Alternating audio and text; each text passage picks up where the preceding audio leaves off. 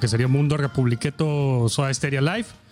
Em, este, pues aquí, bienvenidos nuevamente a toda la gente que nos está escuchando ahorita. Y pues ahorita vamos a tener un tema muy interesante, este, que vamos a estar tratando, como ahí viene en la descripción del, del video, este, la, las protestas que se han dado últimamente ahí en, eh, eh, en Colombia. Este, pero pues antes de cualquier cosa, pues tenemos que hacer las pinches cosas del algoritmo. Este, pues nuevamente compartan lo que es este, este video, suscríbanse. Y pues también estamos en redes sociales, lo que sería Twitter, Facebook. Eh, también estamos en Telegram. Y, pero ahí vamos a estar cambiando lo que sería el canal porque pues ahí hice. Tuve un boomer moment. y lo hice un chat privado cuando lo debía haber hecho un este, un, canal, entonces nadie puede compartir nada y es bien difícil entrar. Eh, pero bueno, eso se va a estar cambiando y pues aquí conmigo tengo pues a un colombiano que ha estado pues ahí viviendo todas las cosas que han estado pasando en, Colombia con estas protestas y pues no sé si te quieras presentar aquí, Klaus. Eh, sí, señor, muchas gracias por, por invitarme. Muchas buenas noches, damas y caballeros. Yo soy Klaus, yo obviamente soy colombiano, nací en Bogotá y pues sí, eh, muy de luto por lo que está pasando aquí en Colombia. Está, está muy complicada la vaina, como decimos nosotros. Sí, sí, sí está este, un, un, tanto complicada. Y, y, pues te quería este, traer aquí porque pues yo la verdad no, nada más me enteré este, pues por las noticias, básicamente lo, lo que estaba pasando en, en, Colombia, eh, pero pues obviamente no podemos confiar completamente de lo que nos dicen eh, ahí. Entonces, nosotros usualmente siempre cuando no sabemos de un tema, pues tratamos de contactar a alguien de, de, allá, pues para que nos informe, porque pues es una cosa que nosotros leamos y, veamos en el internet, este, y otra, pues, lo que, lo que la gente vive, este, y siente, y pues que realmente sabe el tema. Entonces, este, pues no sé si nos pudieras dar el preámbulo. Eh, ya sé que ahorita hablamos antes de eso, de que empezara el show, pero no sé si nos podrías dar el preámbulo de, y, la línea del tiempo de cómo se fueron dando las cosas este, y, cómo terminamos a como estamos ahorita, ahí en, con, con, las protestas. Claro, claro. Bueno, el preámbulo que leí antes es como el preámbulo eh, comprimido, ¿no? Entonces, bueno, lo que resulta, pasa y acontece, es que en el 2020 obviamente tuvimos una pandemia a, a base del COVID. Lo que pasó entonces fue que el presidente decidió encerrar todo el país. El oficial empezó o a finales de marzo o a comienzos de abril, por esas fechas. Okay. Lo, que, lo que el presidente dijo es que nos iba a dar dos semanas para ver qué pasaba con el virus, porque en ese entonces no, no se sabía exactamente si era como el, como el ébola o si era simplemente una gripe, entonces simplemente por cuestiones de precaución dijo, bueno, vamos a encerrarnos durante dos semanas.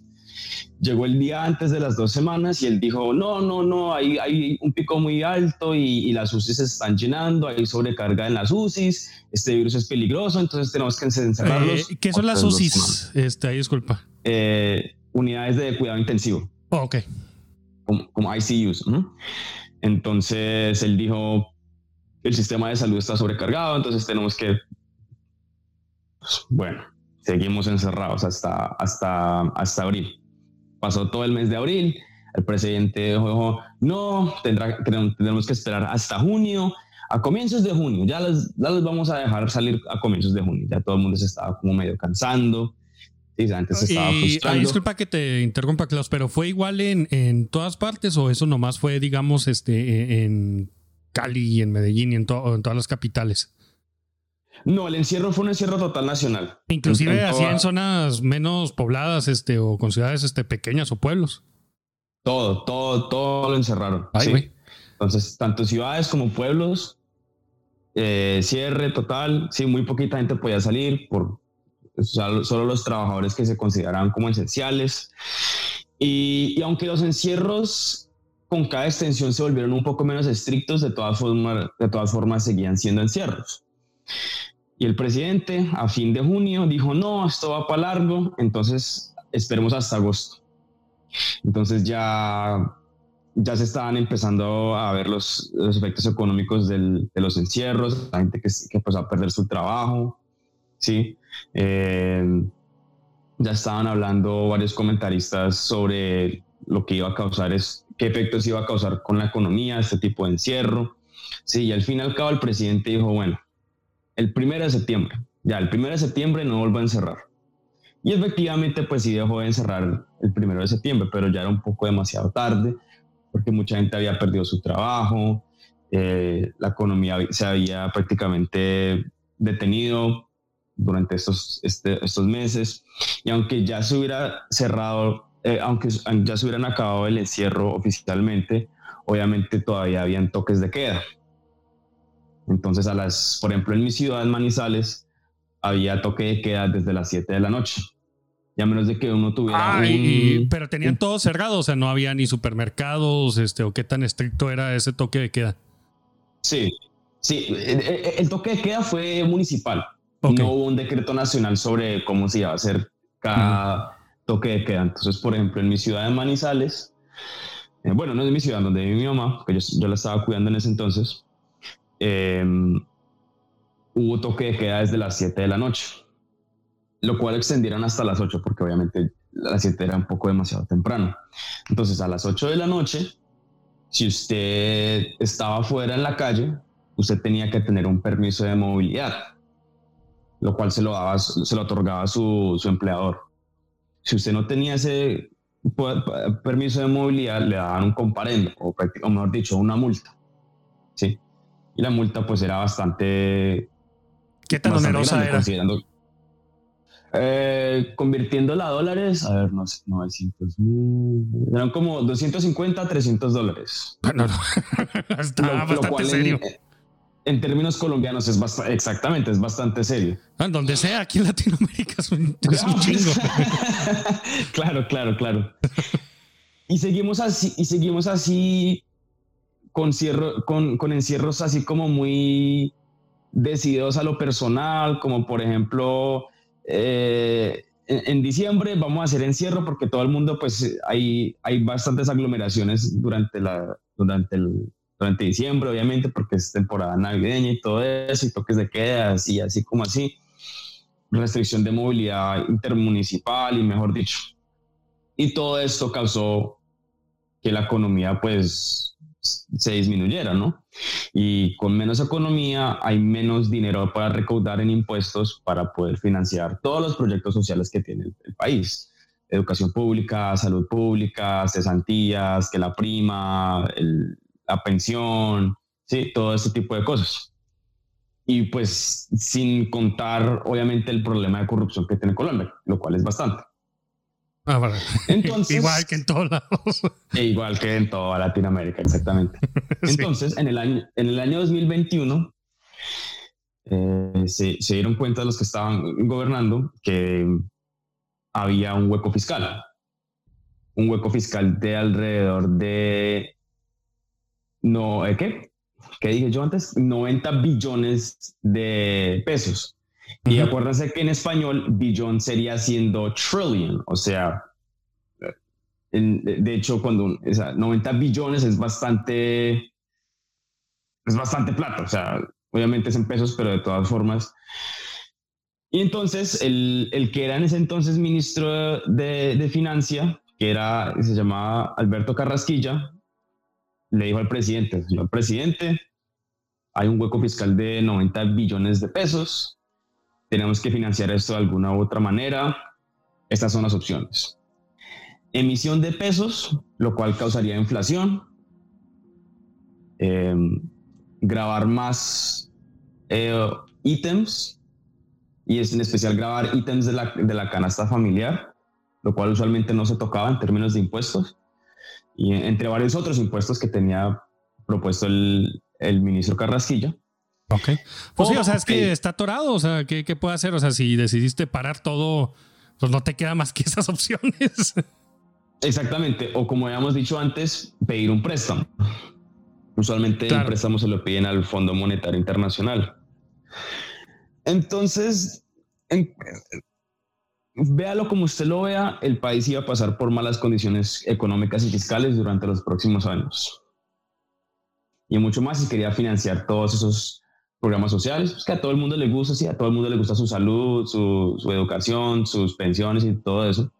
Entonces el presidente dijo, bueno, lo más razonable es subir los impuestos.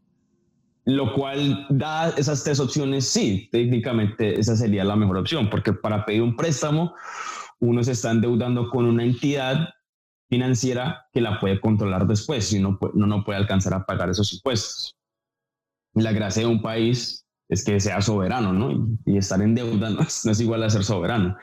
E imprimir pesos, pues eso va a causar inflación, eso va a causar que los ahorros de la gente eh, se evaporen, puede, puede llevar, nos puede conllevar a una situación venezolana. Entonces el presidente dijo, lo más razonable es subir los impuestos. Y sí, si uno lo ve plenamente como un, un gobernador, un gobernante, un presidente, sí, la, la opción más razonable entre esas tres es subir impuestos. Entonces propuso una reforma tributaria, lo cual decía, pues, lo que les acabé de decir, subir todos los impuestos, grabar lo que nos haya grabado antes, y esa fue la gota que rebasó el vaso. Entonces todo el mundo estuvo en contra de la reforma tributaria, no conozco ninguna persona que de hecho estaba a favor.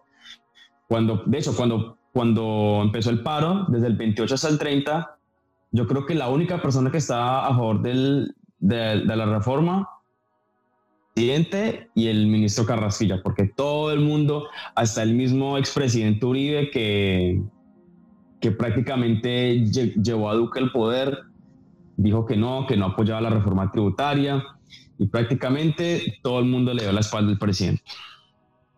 Entonces, pero pues sí, el, problema es que como lo que estamos diciendo ahorita, estaba entre la espada y la pared, o sea, no había mucho que pudiera hacer y todas las decisiones iban a ser impopulares. Claro. Entonces, em, desde el 28 hasta el 30 de abril, todo el mundo estaba a favor del paro. Ah, eh, entrando a mayo, lo que, como lo que suele pasar en Colombia, es que las protestas se volvieron violentas ¿Por qué? Porque habían infiltrados. Ya se conoce desde hace un buen tiempo que las FARC y el ELN eh, se, están infiltrados en varias universidades públicas de Colombia. Okay. Más que todo en Bogotá.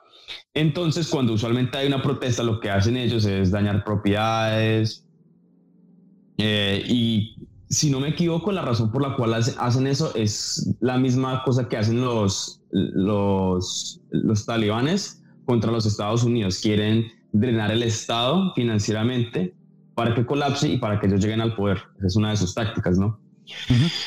Eh, y, y como esta protesta la apoyaba todo el mundo, entonces ya no eran solo los infiltrados que estaban vandalizando, ya era gente, no todos, no todos, una minoría, una minoría de la gente del común que estaba protestando, que les dio como tanta rabia y tanta impotencia y todo, y, estaban como en el momento ahí que también decidieron vandalizar toda la ciudad de Bogotá, Cali, Pereira, o sea, ya no eran solo los infiltrados que estaban vandalizando, era prácticamente también cierta parte de la población que no se daba a ser tan, tan violenta y, y tan revoltosa, por decirlo así, que empezaron a dañar todo ese tipo de propiedades, dañaron bastante, una cantidad de buses, el sistema masivo de transporte que se llama Transmilenio, completamente lo, lo destruyeron.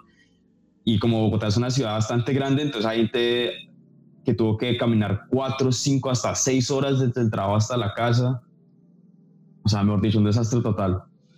Y ya entrando a comienzos de mayo, ya la gente se le, se, le, se empezó a calmar un poquito más. El presidente, rechazó, el presidente dijo que ya no iba a hacer reforma tributaria entonces ya en ese entonces no había razón por la cual seguir protestando, porque la, gracia del paro, la gracia de la protesta era ir en contra de la reforma tributaria.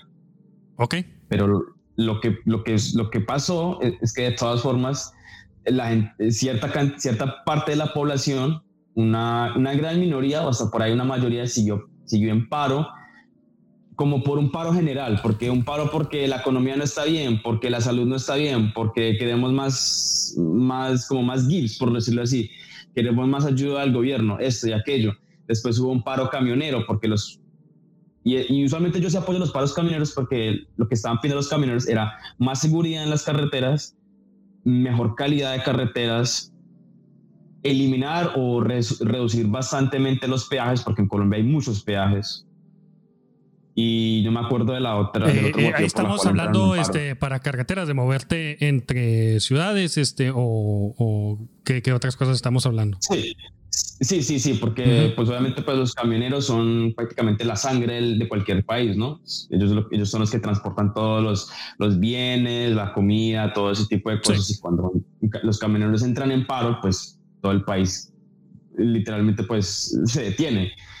Y, y agréguele a eso a lo que llamamos nosotros una minga indígena. Una minga indígena es prácticamente como una protesta en donde salen varios grupos indígenas de sus resguardos o de sus pueblos y van usualmente a, usualmente vienen a Bogotá a pedirle algo al gobierno, ¿no? Aunque pues hubieron mingas en todos lados y no necesariamente todas fueron a Bogotá.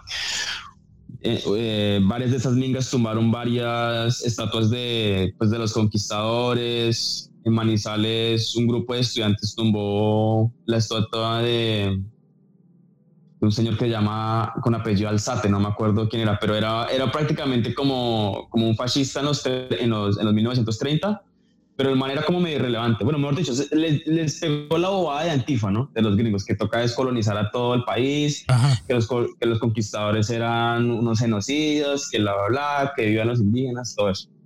Ok, sí, o sea, típico, pero ya hasta, hasta allá en Colombia están metidos los antifas.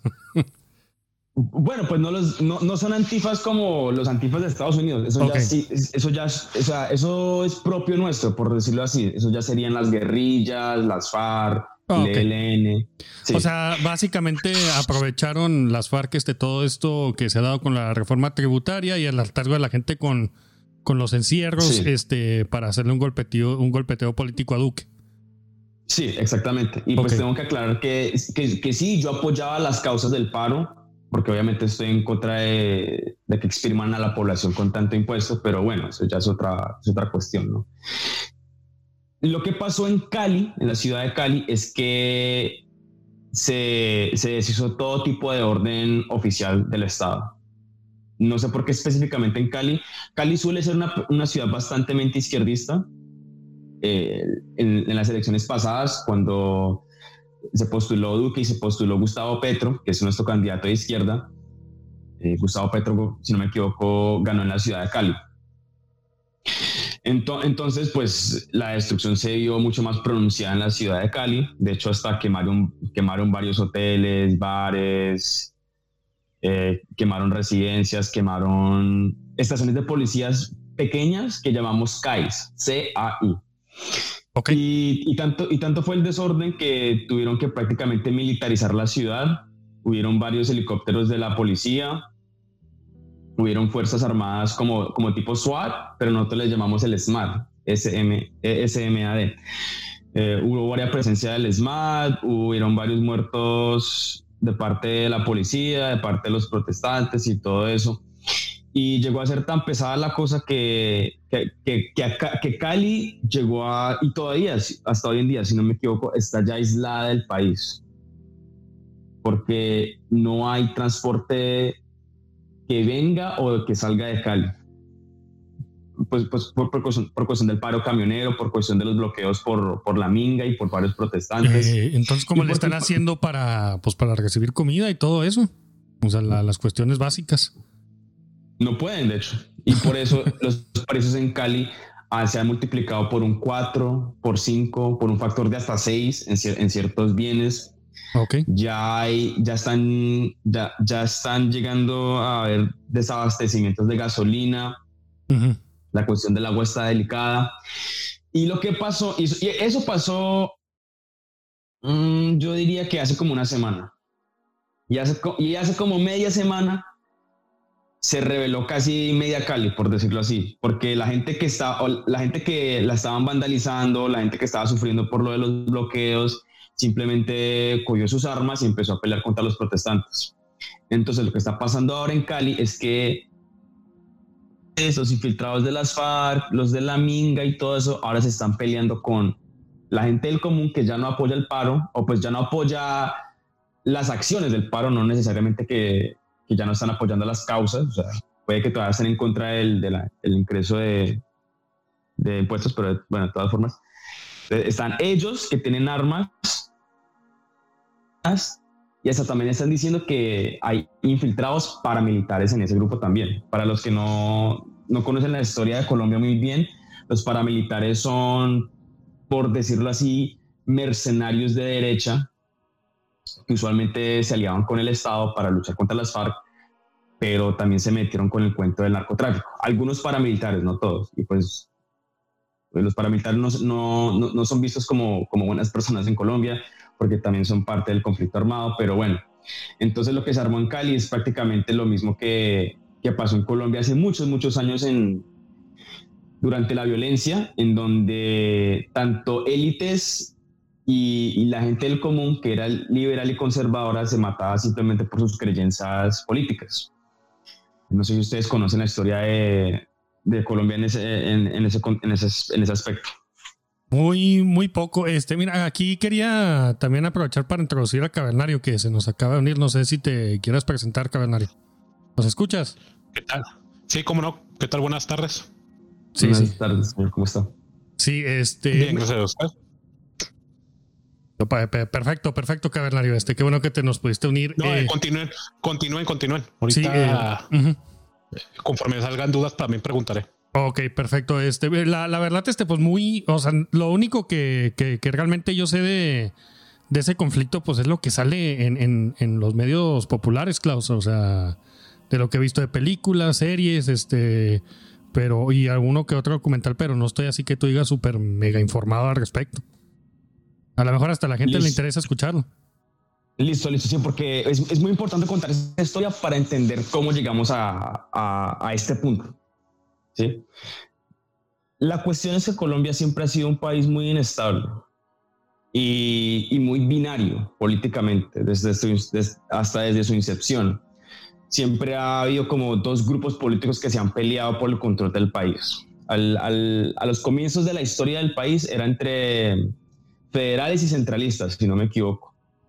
Y hoy en día se pelean entre los uribistas y los petristas uribistas y cualquier antiuribista que, que haya. En el siglo XX hubo bastante violencia entre liberales y conservadores. Y de hecho llegó a ser tan, tan jodida la vaina, como se diría acá, que uno siendo liberal en un área conservadora era prácticamente una sentencia de muerte. Si se daban cuenta que uno era liberal, eh, conservar un área liberal o liberal en un área conservadora. De hecho, ahí hubieron, hay varios pueblos que fueron fundados en la costa por conservadores que los sacaron de, ciertas ciudades liberales. Creo que si no me equivoco, el mío que era por Santander o Boyacá. Entonces la historia de Colombia es una, es una historia de, violencia aparte a, base de estas dos, estos dos lados del, del, sistema binario político que hemos vivido desde hace mucho tiempo y, la, y su manifestación más reciente es la del uribismo y el antiuribismo.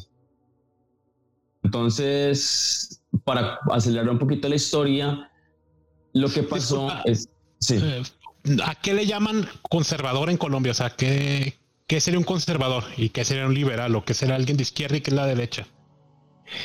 Si no me equivoco, en ese entonces eh, los liberales pues eran los que promovían los derechos a la mujer, querían un Estado laico, querían más intervención estatal en la, en la economía, en la sociedad. Y los conservadores eran más a favor de, de, un Estado religioso, no estaban a favor de, de darle ciertas libertades a las mujeres. Obviamente hoy en día significa algo diferente. ¿no? todavía en ese entonces eh, la constitución colombiana decía que la religión eh, oficial era el catolicismo. Sí, hasta el 91. Y de hecho quería hablar de eso, pero creo que llegó nuestro amigo Checho, si no me equivoco. Hola, hola, hola, ¿me escuchan? Sí, sí, te ah, escuchamos, Checho. Bienvenido. Mi, gente, muchas gracias. Ustedes perdonen la demora, estaba en una, en una reunión. Eh, Pásale, papito. ah, qué elegante Hola. Parce, parce, cuéntele sobre los liberales y los conservadores en el siglo XX, cómo se mataban todos esos malos. ¿El siglo XX o el XIX? Bueno, hasta también el XIX para contar. Si nos puedes contar de, Hay que tener en cuenta algo. Y demás, pues sería muy interesante. Tener en cuenta algo. En el siglo XIX lo que pasó fue que Bolívar se fue, tiró para Perú y aquí lo que quedó fue Santander. Santander siempre fue un liberal, ¿no? Eso hay que tenerlo en cuenta. no solo fue un liberal, sino de que hay, sino que Santander eh, lo que fue muy, muy afrancesado. Entonces surge una guerra que es la guerra de los supremos, que es la guerra que se dio básicamente entre todos los eh, entre todos los, generales que participaron en la guerra de la independencia, que y lo que hicieron fue dividirse el poder. O sea, estaba un conflicto que fue una guerra total por ver qué tipo de sistema de gobierno se adoptaba en Colombia eh, de 1820 a 1840. Ah, desde, la, desde la muerte de Bolívar, que fue la que cuando se hizo la este, Nueva Granada, como hasta 1950 más o menos, hubo, una guerra fuerte, guerra fuerte. España intentó reconquistar, que fue para este Murillo, para Pablo Murillo, fracasó. La plazoleta del Rosario, ahí en Bogotá, fue usada para, para matar una cantidad de, rebeldes que al final, bueno, terminaron ganando. Eh, también hubo unos intentos por implementar el federalismo que se intentó como por 5, 10, 20 años acá Después hubo unos reaccionarios recatólicos, supercentralistas, todo en Bogotá. Eso es lo raro acá, porque los liberales tienden acá a ser masones. Los liberales acá lo que hacían era que nada de iglesia, pro libre mercado, este, nada de, tener alianzas con el Vaticano, meramente vamos a hacer, hacer plata, pro federación, pro Estados Unidos, así. Y los conservadores acá eh, en esa época, en el siglo XIX, eran, eran pro iglesia, pro Vaticano, pro apoyar este, lo que viene a ser el pago de, del diezmo por parte de la gente, pro conventos, pro jesuita, todo eso. Entonces, ¿qué sucede? Los, liberales toman el poder en lo que se llamó el Olimpo liberal y hacen que quitan impuestos, te toman tierra de la iglesia y en las guerras violaban monjas. Ustedes, ustedes leen eso y era una locura.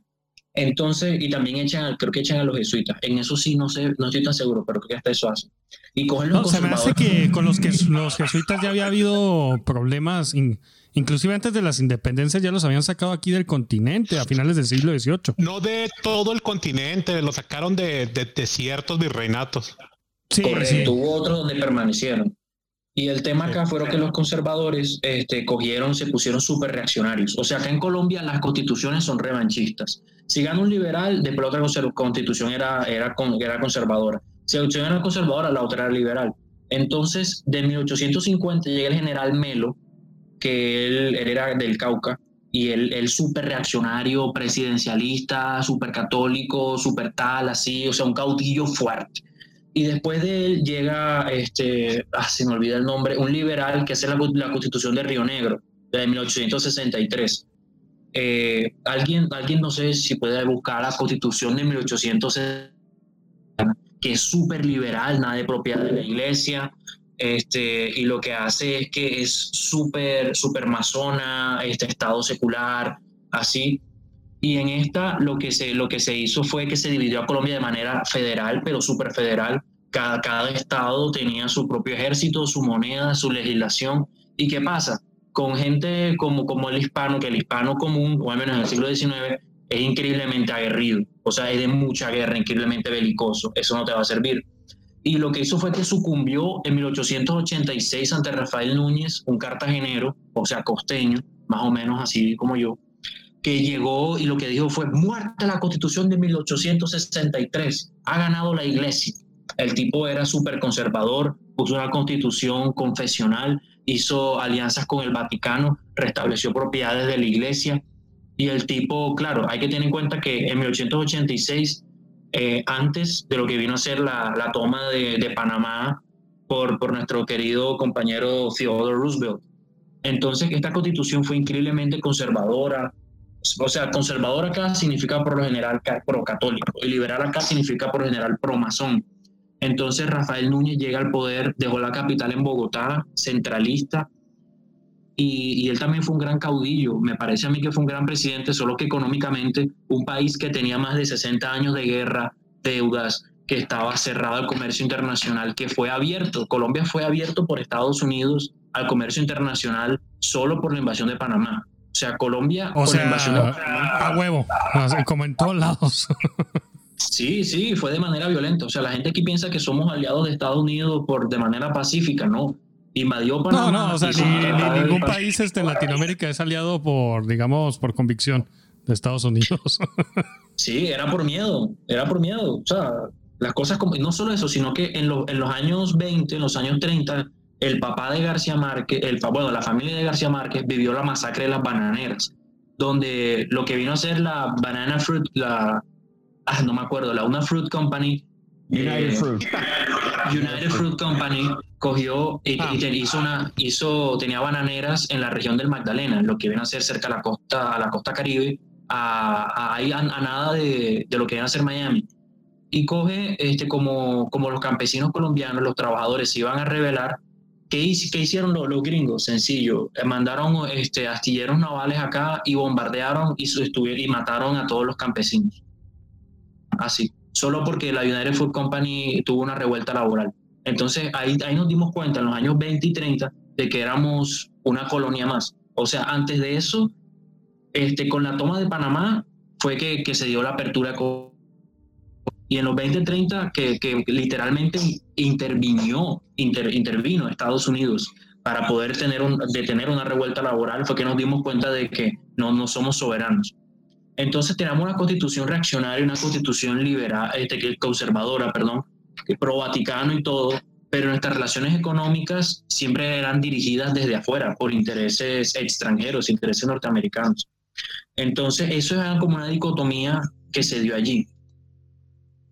Y en los años 50, que es lo que, lo que menciona Klaus, es que eh, aquí hubo un estallido eh, de liberales y conservadores por el tema eh, del poder.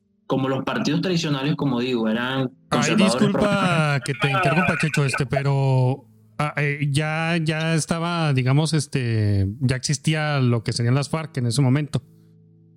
Las FARC surgen por la violencia, es una consecuencia, no, una causa. En los 50, en los 50 no había llegado la ideología marxista ni ningún tipo de, ideología comunista acá. Con la apertura que se dio a Colombia al mundo, en los 50 lo que pasó fue que empezaron a matarse liberales y conservadores. ¿Qué pasa? Los conservadores, que eran los que tenían el poder en ese momento, eh, lo que hicieron fue que empezaron a bombardear fuerte a los liberales, especialmente a los campesinos. Y esto que perdieron sus tierras, perdieron eh, eh, todo tipo de propiedades, lo que empezaron fue a matarse de manera, de manera local. O sea, si estabas en un pueblo, ponle tú, conservador, y tú decías borracho, viva el Partido Liberal, te mataban con machetes, así, o si estás y tú decías, viva el Partido Conservador, o, algo así, un lema de, de, tu partido, te mataban también con machetes y te hacían ir a tu mujer o se llevaban a tu hija y ciertas cosas que no, no puedo decir por, por la decencia misma que, debemos tener y el decoro. Total que este, eso fue, digo yo que fue una persecución política que generó desplazamientos aquí en Colombia. Muchos pueblos fueron fundados en esa época por gente escapando de la violencia, que fue de 1950 a los 60. Y en ese marco, quienes más fueron perseguidos fueron los liberales. Entonces, en los 60, estos nuevos liberales, o sea, nuevos no, estos liberales, más que todos los pobres, empezaron a estudiar a Marx, empezaron a estudiar estas teorías socialistas y por los ataques estatales, porque fueron estatales, eso no, es, es para nadie un secreto, empezaron a confirmar, conformarse campesinados armados, como digo, que ya lo estaban, que fueron perseguidos por la policía y por demás, por los conservadores, se armaron y lo que conformaron fueron pequeñas comunidades que, que tenían ya armas y una ideología marxista comunista. ¿sí? Marxista, comunista, socialista, leninista, maoísta, tú llámalo, empezaron a conformarse. Y allí nacen las FARC, como estos campesinos liberales perseguidos por el Estado, que, que, lo, que, que lo que eran era contracorriente. Entonces, con el nacimiento de las FARC, lo, y estas empiezan a crecer porque se ve como una causa social. Somos los oprimidos, somos los oprimidos, somos el pueblo. Y entonces, al principio tenía más un fin político que un fin del narcotráfico, un fin este, económico. Pero ¿qué sucede? Las armas cuestan, la guerra cuesta. Y adivina a qué, a qué país le gusta consumir cierto tipo de productos psicoactivos. Ah, pues, no sé, este empezará con Ewa. A Uganda. Uganda. Uganda, a Uganda le encanta, pero sí. Entonces, como la guerra escala, empezaron a hacer secuestros, empezaron a tomar tierras por, de manera violenta y empezaron a, a hacerle guerra al Estado y a tener más armas. Entonces, claro, seguían los bombardeos y en eso, ¿qué pasa? El partido, eh, hubo una división porque hasta ahora lo que viene a ser el Partido Conservador era conservador, era católico. ¿Qué pasa? Un tipo llamado Laureano Gómez, súper católico, súper reaccionario, súper tal, empezó a perseguir a los liberales, pero con fuerza. Y al tipo, él quiere montar a un general, que es el general Rojas Pinilla, que Rojas Pinilla, como buen militar, no era ni, ni liberal ni conservador, y él hizo su propio partido político que falló, que fue la ANAPO, Alianza Nacional Patriótica, algo así. Total que Rojas Pinilla falla y él lo que hace es que hace más alianzas con los Estados Unidos da el voto a la mujer, Rojas Pinilla este, trae la televisión y permite un concierto de los Beatles. O sea, Rojas Pinilla creó esta derecha sintética o este, este conservadurismo sintético que ya no era católico, sino que era proamericano. ¿sí? Ya no era una derecha que viene este, de Miguel Antonio Caro o que viene de, esta gente que, que, generó el conservatismo acá católico, sino que era pro, proamericano. Sí, se habían, se habían americanizados básicamente. Se han vuelto good guys, prácticamente. Mm. Correcto. Good guys, yeah, yeah, give me the shekels. Entonces, ¿qué sucede ah, con sí, Sí, sí, sí, sí, sí, señor. Sí, sí, ven para acá. Vamos a quitártelo. Eso es lo que es Estados Unidos, SIDA. Entonces empezó a podrir derecha sintética. ¿Y qué sucedió? De ahí en adelante ya no se vio el tema ideológico de mantener a la iglesia, el matrimonio, valores, sino que se vio más como que somos lo contrario a las guerrillas, lo contrario a los liberales. Pero ya no tenías un fundamento, ya no tenías un fundamento ideológico, sino somos lo contrario a esta gente. ¿Y qué pasa? Las guerrillas si se, intensifican, en los 70, 80 empiezan, empiezan a tener más, más poder en la parte sur de Colombia, cerca de Ecuador, y, entonces, ¿qué, ¿qué, otra cosa sucede? Hay, hay formación de más grupos, no solo las FARC, otros grupos que también suelen del descontento con la clase política. Y en los 70 y en los 60 surge también una alianza entre conservadores y liberales. ¿Por qué? Porque ellos se dieron cuenta de que el riesgo peor eran los comunistas y hacen una alianza que se llama Frente Nacional, que la firman en Madrid. Entonces los conservadores y liberales se unen para poder evitar a los socialistas y a los comunistas y combatirlos y se reparten el poder. O sea, este año yo pongo un presidente, el otro año tú pones otro y así por, por 16 años. Y así pasó hasta los 80, cuando en los 80 las FARC tuvieron su apogeo y llega un liberal, un liberal muy fuerte, que, que le llaman Pablo Emilio Escobar Gaviria, que todos lo conocen, que llega y con Pablo Escobar se ve fuerte el tema del narcotráfico. Fuerte, fuerte, fuerte. Y también el tema de que las guerrillas están intensificando los secuestros que había empezado en los... Oye, Checho, disculpa que te, que te interrumpa, este, pero ¿este general tiene algo que ver con Pablo Escobar? No, Rojas Pinilla fue de los, de los 50, 60. Ah, Pablo Escobar es de los 80. Sí, sí, no, está bueno. Sino que estoy haciendo como que un review súper rápido. Oh, ok, está bien. Es que está como que no sé si nos empezamos a mover que a los 60, 70, 80 dije, bueno, pues a lo mejor ahí algo tenía que ver. No, él, murió, Rojas Pinilla murió eh, en paz descanse. Pero sí, entonces Pablo Escobar en los 80 empieza, empieza a tener relevancia en Antioquia, o en Antioquia, que desde donde vienen varios presidentes y es una región que era bastante católico y es bastante liberal. Entonces, ¿qué sucede? Todo esto se ve y Pablo Escobar empieza a arrodillar al Estado. Pablo Escobar empieza a hacer bombardeos, financia narcotráfico, tumba también a los gringos, este, y se genera básicamente un estado de terror en los 80s y a principios de los 90 horrible. Hubo un presidente que fue este, César Gaviria, ya un poquito más hacia los 90s, que, que hubo cuatro candidatos presidenciales, a tres los mataron. César Gaviria fue el único que quedó vivo. O sea, tú ves la historia de Colombia de los 80 al principio del 2000 y era guerra, guerra, guerra, guerra y guerra. Por eso el soldado colombiano es tan bueno, a mi concepto, porque el soldado colombiano ha vivido en guerra desde, desde Bolívar. Literal, o sea, no, había una, época pacificada en la historia. O sea, sí. ¿Y, qué sucede? Este, Pablo Escobar llega, muere, es capturado eh, en una alianza entre la policía, gente que estaba molesta por los secuestros y también por la, DEA y el FBI. Obvio, acordémonos de eso, que el FBI, la DEA, este, siempre, siempre andan ahí infiltrados. Y, lo que sucede después es que hay un descontento con la constitución, porque la gente dice, esta constitución no nos sirve la gente dice, somos un mundo más abierto, somos más americanos, tenemos otros valores. Eh, ¿Se me escucha? Sí, sí te, sí, te escucha, muchacho. Continúa. Hay nuevos valores, estos nuevos valores liberales, y es de hecho lo que viene a ser el presidente Gaviria, el que llega a las elecciones, él, él apoya junto a otros presidentes como Samper y demás, lo que viene a ser el nuevo liberalismo. Apoyan el liberalismo económico, vamos a abrirnos al mundo. Y así es como se cambia la constitución, la opción de ahora que es multicultural, multiracial, multiétnico, multisexual, multi, multi, multi, multiversa, aquí, aquí aceptamos todo. Así cambia una constitución que era eminentemente conservadora a ser eminentemente este, liberal, liberal sí. Y en, en después de que se cambió la constitución, hubo un proceso, que fue el proceso 8000, que se hizo al presidente Samper, por relaciones con el narcotráfico. O sea, el narcotráfico puso un presidente, básicamente. ¿Quién lo diría? No, no, nunca pasa en ningún lado. para nada, para nada, súper raro.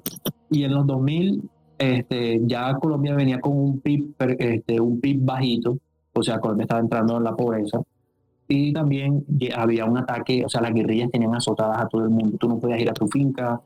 Y llega el presidente Álvaro Uribe. Que Álvaro Uribe venía del Partido Liberal, pero el tipo era autoritario. O sea, autoritario en el sentido moderno, normal. Estilo, este, con, con, quién compararlo, ¿no? Estilo Franco en sus pues inicios, así. Sí, algo así como yo lo compararía a Saddam Hussein, pero mucho menos. no, pero Saddam Hussein de Latinoamérica. Pero mucho más moderado y no, y no odiaba ninguna etnia. No odiaba ninguna Gaddafi. etnia. Gaddafi, también. Gaddafi también, sí, se podría decir. Como un Gaddafi. El tipo llega y dice: Vamos a acabar a las guerrillas, cueste lo que cueste. Y arrodilla a las guerrillas a, pacificar el país, o sea, lo que, lo que tiene que hacer el Estado, pues mantener este en todo en sana paz, este, no, no, no que se estén haciendo desmadres. El monopolio de la violencia. Sí, Exactamente, el monopolio de la violencia. Entonces llega Álvaro Uribe y lo que hace es que empieza a dar balas a, a diestra y siniestra. ¿Y qué sucede? Entre estas balas también surgen que, que se mató gente que no era y donde surge el fenómeno de los falsos positivos y es que eh, a los militares se les dio órdenes de que fueran y llegaran y pudieran este, destruir guerrilleros y se les daban permisos especiales, dinero, cosas así, un sistema de incentivos. Y empezaron a matar vagabundos, este, gente desplazada, gente pobre, y eso fue un escándalo a nivel internacional. pero a, eso tengo que agregarle algo. Perdón, ah, perdón, por ti. o sea, pero o sea, había una razón por la que estaban matando pues, a indigentes. No, eh, lo, que... Es que lo, que resultó es que, pues como eh, ellos querían cumplir las órdenes que estaba dando el presidente Uribe y a veces pues no encontraban... A lo mejor había una cuota, cuota, ¿no? De tienen que... Sí, como una... Exactamente. Tenemos que matar a, tantos cabrones y, matar a indigentes. no, literal. Entonces, no, y no solo indigentes, también campesinos y lo que hacían es que los mataban y cuando ya estaban muertos los formaban de, integrantes de las FARC. Entonces decían, ah, ve, matamos a tantos, tantos manos de las FARC. Y obviamente, pues la gente se... Eso pasó en Chihuahua cuando la guerra contra los apaches, que había una cuota de matar apaches y como la cumplían era matando otro tipo de indígenas muchas veces. Claro, porque la forma de probar que habías matado a un apache era cortando la cabellera y pues todas las cabelleras de indígenas se ven iguales. Y, los idiotas Y ese caso de los falsos. Sí, mandaron el 20% de los taromaras. Uy, marica. Uy, uy, tampoco. Entonces el tema acá fue que hubo cuotas y para cumplir las cuotas empezaron a matar indígenas y tal. Y, o sea, salen números este, que, o sea, no se sabe, pero se estima que fueron 6.400 personas. Entonces, ¿qué sucede? Que eso deslegitimó tanto las Fuerzas Armadas por parte del público. Y que después de eso llega el segundo gobierno de Uribe, que, que se destaparon escándalos de corrupción presuntos. Yo no sé, la ley dirá, yo no voy a meterme en problemas con eso. y, y, entonces hubo escándalos de corrupción, escándalos de desfalcos, no sé qué. Y este, llega un presidente que va subido, Uribe genera un movimiento fuerte, porque un país arrodillado ante el narcotráfico y las guerrillas, que ve un tipo que le está dando bala fuerte, tuvo una aceptación enorme. Él fue quizá el presidente más votado. Entonces llega y genera un movimiento que es el uribismo, que es el que está detrás de él, que es más o menos conservador, este, de democracia católica, este, pro Bush, eh, pro, pro estado de bienestar, eh, subsidios por el estado de bienestar, cositas así. Y llega el que... Sí, perdón, no, solo quería decir, no, es como una, una socialdemocracia cristiana, pero eh, súper eh, pro-occidental. Entonces, como dice usted, pro Estados Unidos, pro Israel, sí, eh, ese, tipo de cosas. Ay, perdón, sigue, sigue. Ay, no. No, sí, ese, es el problema. por eso le tenía que decirles eso, pero bueno, sigue, Chacho. Entonces, ¿qué sucede? Que Uribe reúne a gente del Partido Liberal y Conservador y crea su propio partido. Eh, ¿Qué sucede? Él monta a alguien que es el presidente de Santos, Juan Manuel Santos. Él nacido en Bogotá, de, su abuelo fue presidente, su papá es dueño de un gran periódico, o sea, de esta línea de, criollos que pueden ver, su, linaje hasta, hasta Santander y ver que fueron una... O sea, que tú, tú sabes, ya, que, todos están relacionados. Entonces, con todo esto, eh, lo que se vio fue que Santos llegó al poder bajo la bandera del uribismo, pero le dio la espalda a Uribe, porque ya no seguía el mismo discurso pro guerra, pro bala, pro tal, sino era un discurso más intervencionista al Estado, vamos a dar subsidios, vamos a hacer ministerios, vamos a hacer la paz. Él se montó con ese sentido, la paz, la paz, la paz. Entonces, Uribe tenía el PIB, aquí eh, la deuda respecto al PIB en el 15%. Y él, y él, y él qué dijo? Que lo que hubo fue, eh, él dio dos, dos gobiernos de 2002 a 2010, cada uno de cuatro años, 2002, 2006, 2006, 2010. Santos es de 2010 a 2018. Al final del gobierno Uribe hubo un 15% de deuda respecto al PIB y al final del gobierno Santos hubo un 45% de deuda respecto al PIB. La deuda se triplicó. Hizo el famoso proceso de paz, que fue antidemocrático porque él lo sometió a, referendo, o sea que la gente votara y la gente dijo que no, y él lo siguió adelante. O sea, fue antidemocrático. Eh, tomen eso como quieran. Hubieron eh, varias promesas que él rompió y tengo que hablar de eso porque es muy importante. Él le prometió al pueblo, al pueblo colombiano que las FARC, cuando se desmovilizaran, él dijo que cuando no les iba a garantizar curules en el Congreso. Eso muy explícitamente lo dijo él y rompió esa promesa. Hoy en día las FARC ah, tiene ah, disculpa que te, interrumpa, que, te, que te interrumpa, Klaus. ¿Con curules te refieres así de eh, un curul Asientos. Asientos, asientos, asientos, en, el Congreso.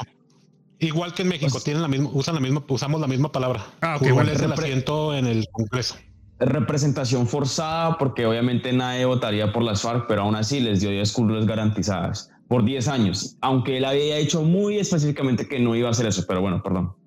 Y también el tipo llegó y les dio amnistías, o sea, les perdonó todo o la mayoría, bueno, les perdonó muchos, muchos delitos y tiene un sistema judicial, o sea, un sistema de justicia específico, no es el de la justicia ordinaria, sino que le hicieron uno especial.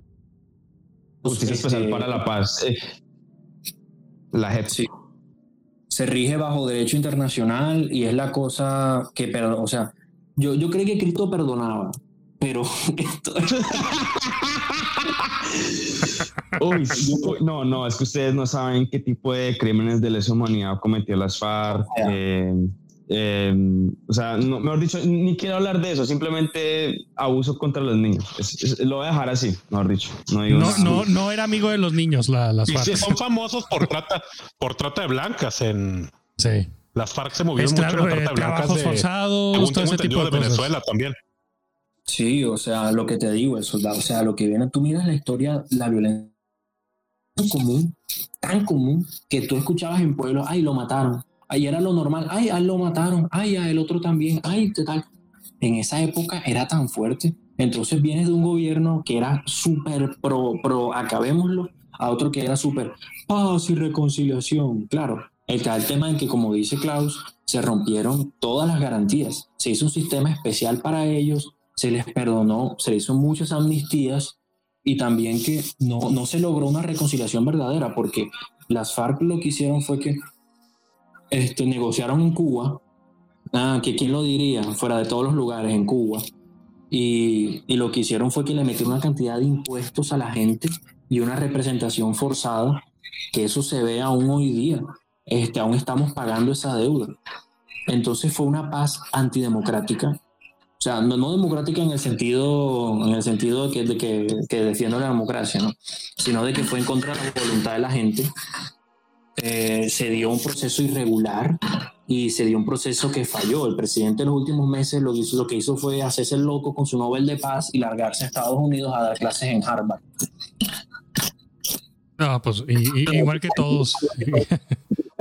Sí, y no es por ser conspiratorio ni nada, pero él está, está afiliado con Soros eh, a través del International Crisis Group. Pero bueno, ese es otro tema que se puede tocar más tarde.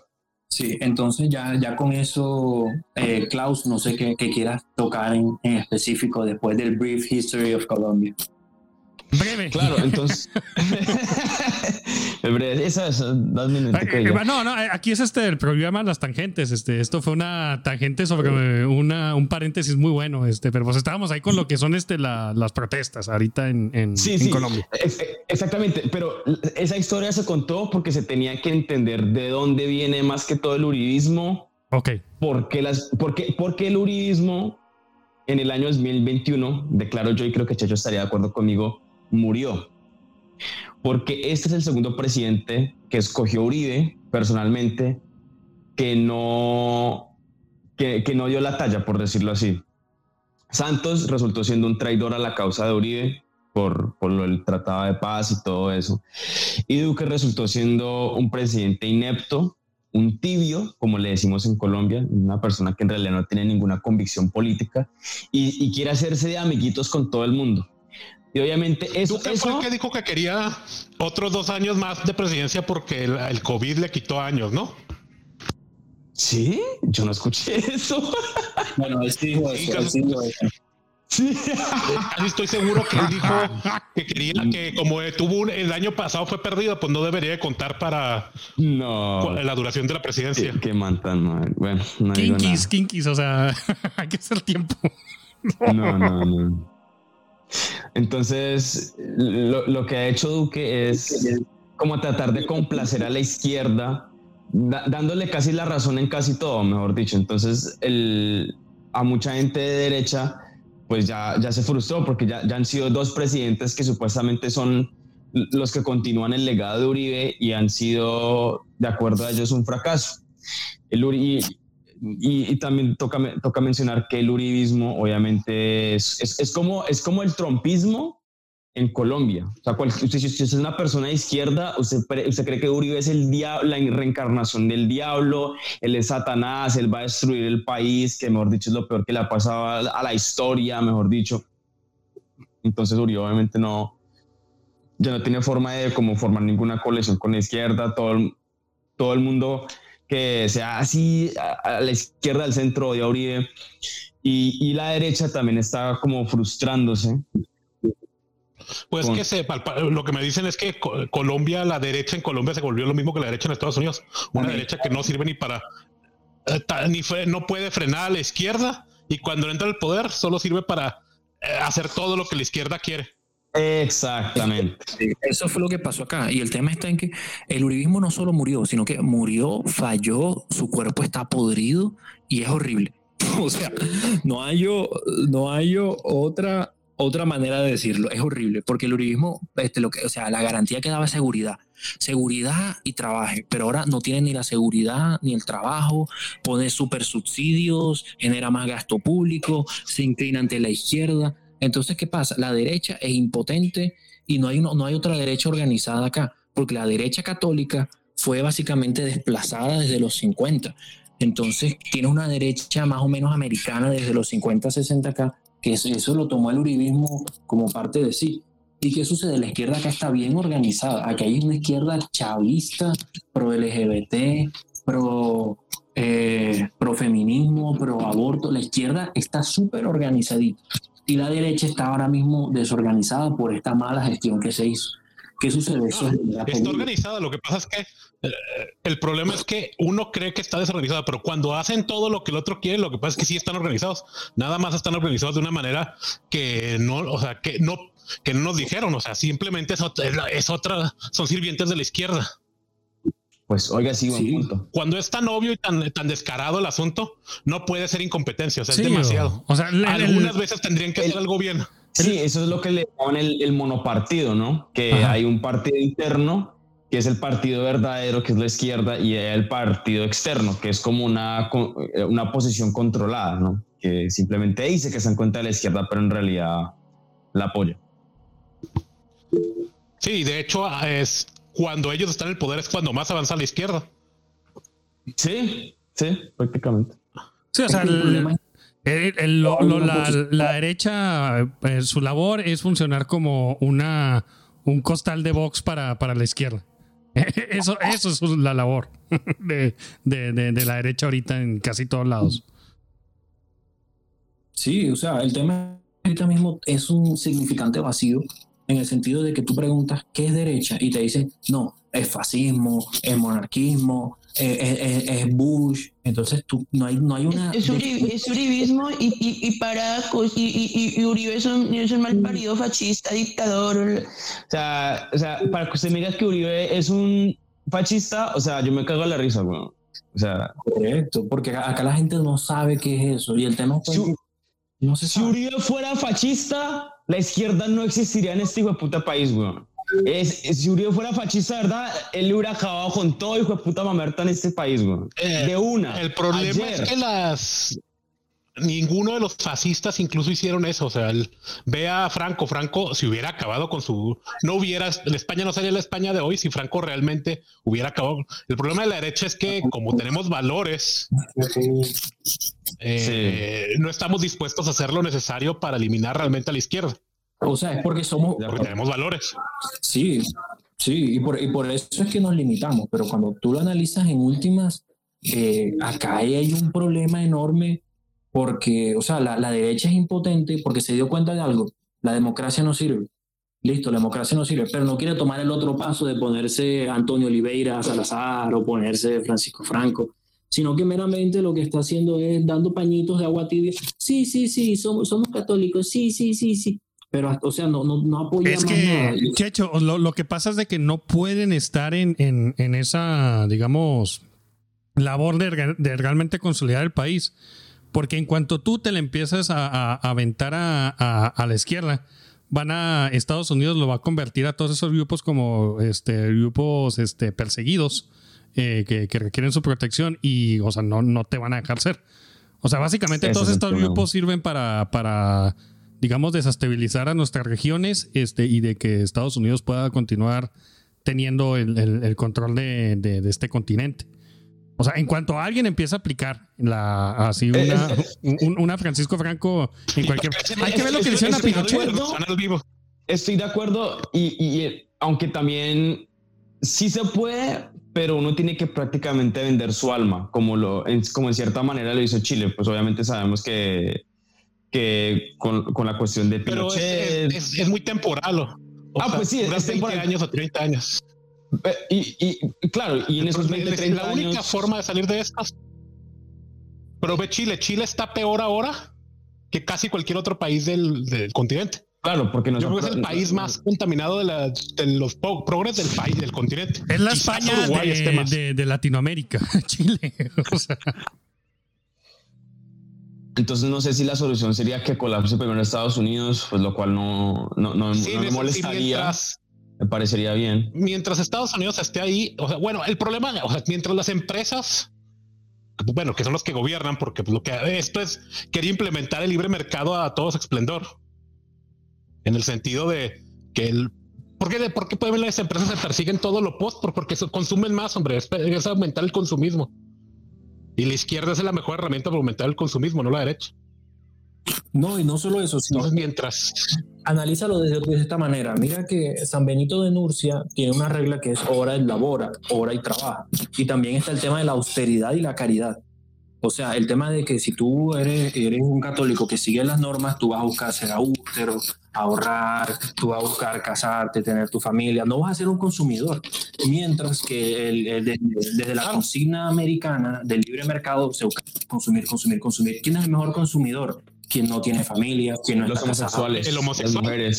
El homosexual es el mejor consumidor porque consume. Es más, el mejor consumidor es el transexual porque tiene el consumismo de una mujer y de un hombre al mismo tiempo. Oiga, sí, buen punto, sí. Porque compran maquillaje, compran ropa como si fueran mujer, pero también, pero también tiene, o sea, no dejan de ser hombres, entonces van a tener los, eh, o sea, los consumismos de los hombres también. Es el máximo consumidor posible. Claro, entonces con eso.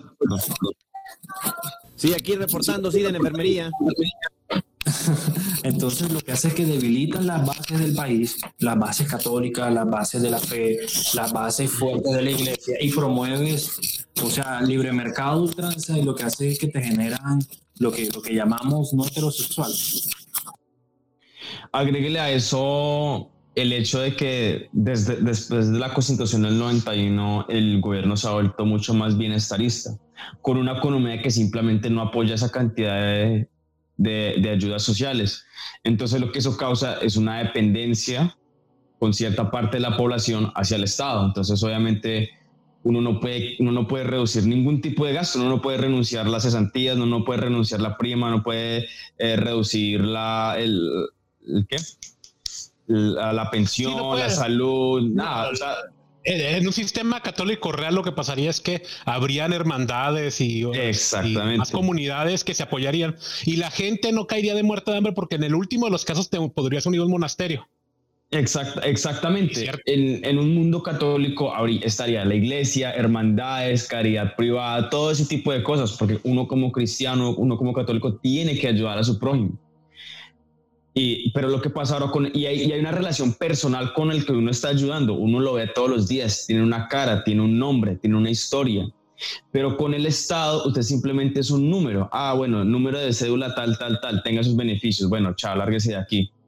Esa persona. Y por teoría de juegos, la verdad es que lo que te conviene es eh, roba, o sea, sacar todo lo posible del Estado. Si puedes, claro. Si puedes obtener todos los beneficios, por teoría de juegos, lo que te conviene, porque si no lo haces tú, lo va a hacer el vecino. Claro, claro. Entonces, es, exactamente. Entonces, eso, eso causa una carrera hacia el fondo, por decirlo así. Entonces ya el, gobierno no tiene cómo financiar sus proyectos. Si dice que los tiene que eliminar, se le revela casi todo el pueblo y ahí se colapsa prácticamente totalmente el país. Entonces se promueve todo menos la virtud. Se promueve de todo menos la virtud. ¿Y qué sucede? Esa, esa sociedad eventualmente va a colapsar, porque una sociedad que no es virtuosa eventualmente va a colapsar. Y te este, están diciendo aquí en el chat que, la, o sea, por votos no va a solucionarse esto. Por votos va a quedar un de agua tibia y se va a esperar a que la cosa no empeore y siempre va a empeorar. Porque el, fin último de esto es deslegitimar la virtud y eso que estamos pensando. Siempre se va a deslegitimar bajo estos sistemas. Claro, eh, va, a ser la, la mencionó y puede ser que pase que la única forma de unificar a nuestra desunida América, la América Latina, la América Hispana es quizás que, que vuelva un gobierno socialista y después del colapso de este gobierno a lo mejor nos quedamos con un gobierno unificado. entonces, entonces ah, todos somos este ah, criptochavistas aquí. ajedrez, ajedrez 20, eh, eh, quizás funcione, no sé, no sé. Yo hoy, en día estoy como. Pues les solo digo, ve a Rusia. Rusia está mejor ahorita que. Eh, no pues casi sus vecinos que no pasaron por eso. O Polonia.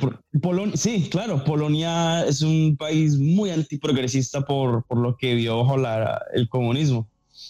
Pues esperemos a ver qué pasa en Venezuela si, si cae Maduro. A ver si Venezuela surge como un país antiprogresista. Tendríamos que ver si se experimenta. El problema de Venezuela fue la, fue que tuvieron la oportunidad de, que la mayoría de la gente se salió, o sea, o mucha gente, no sé si la mayoría, pero un porcentaje altísimo de la población se pudo salir a otro lado. Entonces no sé si ah. iban a tomar las mismas lecciones. Pues sí, porque el, el, o sea, la, cuando tienes que mucha gente de, que ahora les pueden pasar remesas o qué sé yo a sus, a sus hermanos, primos qué sé yo, de, en Venezuela. No, no creo que puedan aprender la misma lección que tuvieron que aprender los húngaros o los polacos. Muy buen punto, sí. hoy en día las cosas son muy diferentes. O sea, tendríamos que quedarnos todos. O sea, todos tenemos que irnos a la fregada para que. Un, colapso total de la civilización. Y, me duele mucho. Si me, das, a mí, si me das a mí elegir honestamente ahorita, como está el sistema, si fuera un sistema socialista a la chino, con todos los problemas, al, al mugrero progresista que tenemos con los gringos, prefiero mi sistema socialista chino. Con todos los problemas. Por, lo menos tiene un par de virtudes. Claro, yo, yo lo entiendo, yo lo entiendo, sí. A, mí me duele mucho decir esto porque obviamente yo tengo mucha gente que conoce en Colombia y todo eso y en Hispanoamérica, pero sí, los hispanos no, no han querido aprender ciertas lecciones y como que va a tocar que llegue un colapso total de toda la sociedad y, todo tipo de normalidad como para, como para que la gente como que despierte. Eh, obviamente pues en, en, la Biblia se, hay muchas historias, la más famosa siendo la del, la del gran diluvio, ¿no? Cuando Dios inunda a todo el mundo pues por, por tanta barbarie que, que estaba viviendo y pues hay como un reinicio, por decirlo así. Y pues no, no, no, no quiero decir eso, porque como le digo, hay mucha gente que yo conozco y, que yo quiero mucho, que está en pues, mi familia, obviamente amigos y todo eso. Que están, pues, pues, uno no quiere vivir eso, pero cuando ves lo que... Eh, o sea, los destinos de los países y los rumbos que están tomando, yo creo que sí preferiría un colapso rápido que la putrefacción larga que estamos viviendo. Sí, Sí, como un shock. Estamos en pudredumbre. O sea, necesitamos en pura en pudredumbre y cada vez peor. Y cuando cree que uno ya tocó fondo, nunca, o sea, la, siempre puedes lograr. Ya sé, nos están diciendo en el chat que cuando hablamos de izquierda y derecha, que ya perdimos, es una generalidad. Tenemos que usar una palabra para que entiendan. O sea, cuando hablamos de izquierda, todo el mundo sabe a quién nos referimos. Sí, tenemos que usar palabras del, común. Obviamente estamos sí, tratando de comunicar un mensaje para la gente del común que más o menos exactamente que entiende esos términos, pero obviamente entre, entre nos, obviamente pues ahí... No quisiéramos un, un, gobierno católico. Algunos lo quisieran un poco más monárquico, otros lo quisieran de otra manera, pero queremos un gobierno que fuera realmente católico. Fundamentalmente católico, claro, claro. O sea, eso es lo que creo que todos aquí queremos. No creo que... Sí, estoy de acuerdo. Con sus, con, sus tintes diferentes, porque todos los gobiernos católicos eran diferentes. O sea, y qué, qué bueno que haya algo de diferencias, pero católicos al fin y al cabo. Pero pues, no sé, el, en la situación en México no la veo. O sea, creo que ahorita está frenándolo un poco nuestro buen cacas, pero no creo que eh, no sé qué vaya a pasar en cuanto ya no esté López Obrador, porque López Obrador. caca! Eh, Ahí está Cacas. Tiene el instinto correcto de, eh, de odiar. O sea, sí, está rodeado de mucha gente de, de, izquierda, de hecho, pero ha tenido el instinto correcto. O sea, las feministas lo detestan. Entonces, pero no creo que el, que el presidente que vaya a seguir es así porque hace cosas así de, de, boomer de, antaño, por eso. O sea, tiene todas las mañas así de un viejo de los años 50. Porque tiene el instinto, porque tiene el instinto, pero no lo está haciendo por las razones correctas. Es instintivo lo que actúa, cómo actúa. Ahí están las masacres. Eh, México. no creo tampoco buen futuro a México. O sea, después de que esté el cacas, no creo que nos vaya. Eh, ha medio frenado la situación del post del México, pero. Pero no creo que el, siguiente el siguiente lo va a agarrar en turbo, yo, yo creo. Yo creo que Sudamérica va a volverse una colonia china. O sea, o somos colonia gringa o somos colonia china. El tema es cómo será la transición. Si será violenta, qué tan violenta, si será pacífica, qué tan pacífica, y qué sucederá después. Porque ahorita mismo Estados Unidos no tiene tanto capital para invertir. Sube la inflación, suben los precios, COVID, restricciones. La Unión Europea tiene mucha burocracia. Entonces, fuera de eso, ¿Quién es el único país o la única región con suficientemente dinero para poder invertir? China. ¿Qué está haciendo? Perú.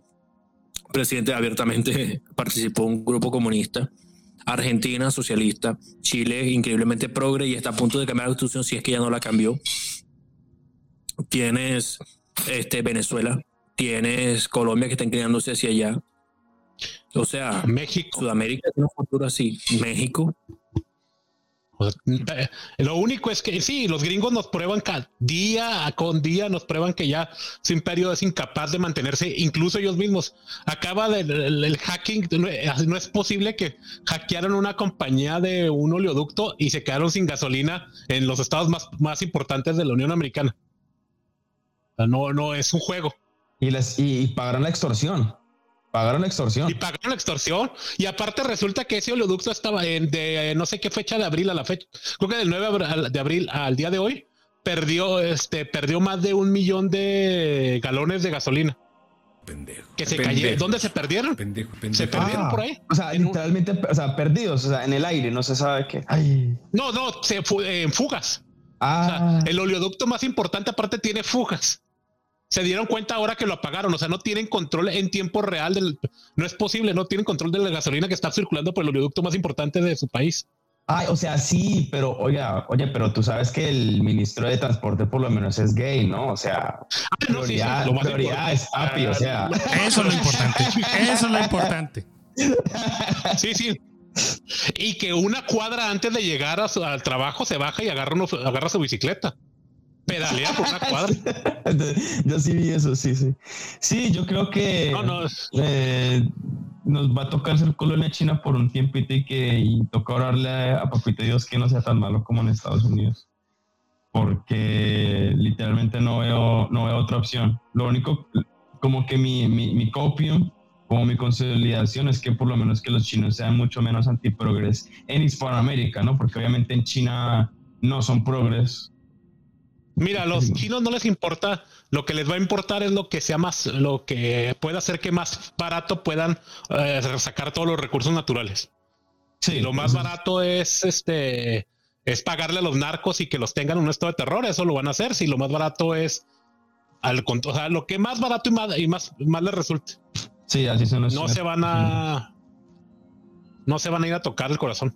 Pero bueno, nos desviamos mucho horas y nos podrán explicar. Entonces, ¿qué, qué está pasando? ¿Qué va a pasar con esto de los y con las, los disturbios ahorita actuales de Colombia? Sí, Cali es una ciudad en guerra urbana prácticamente. Les dije que eh, hay una alianza entre la Minga, las disidencias de las FARC y otros vándalos contra la fuerza pública, eh, los dueños de, los negocios y, las casas y todo eso, y supuestamente infiltrados de los paramilitares. Entonces Cali ya se volvió prácticamente una Siria, mejor dicho.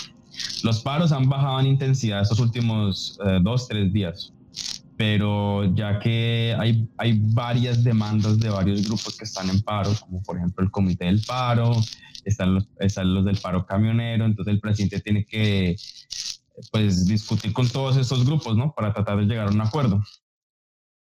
Y lo que está haciendo ahorita, lo que, lo que, lo que asumo que va a hacer el señor Petro, que creo que no les dije, se me, se me olvidó comentarles que el, el, hecho es ex guerrillero del M19. Y es chavista, es chavista.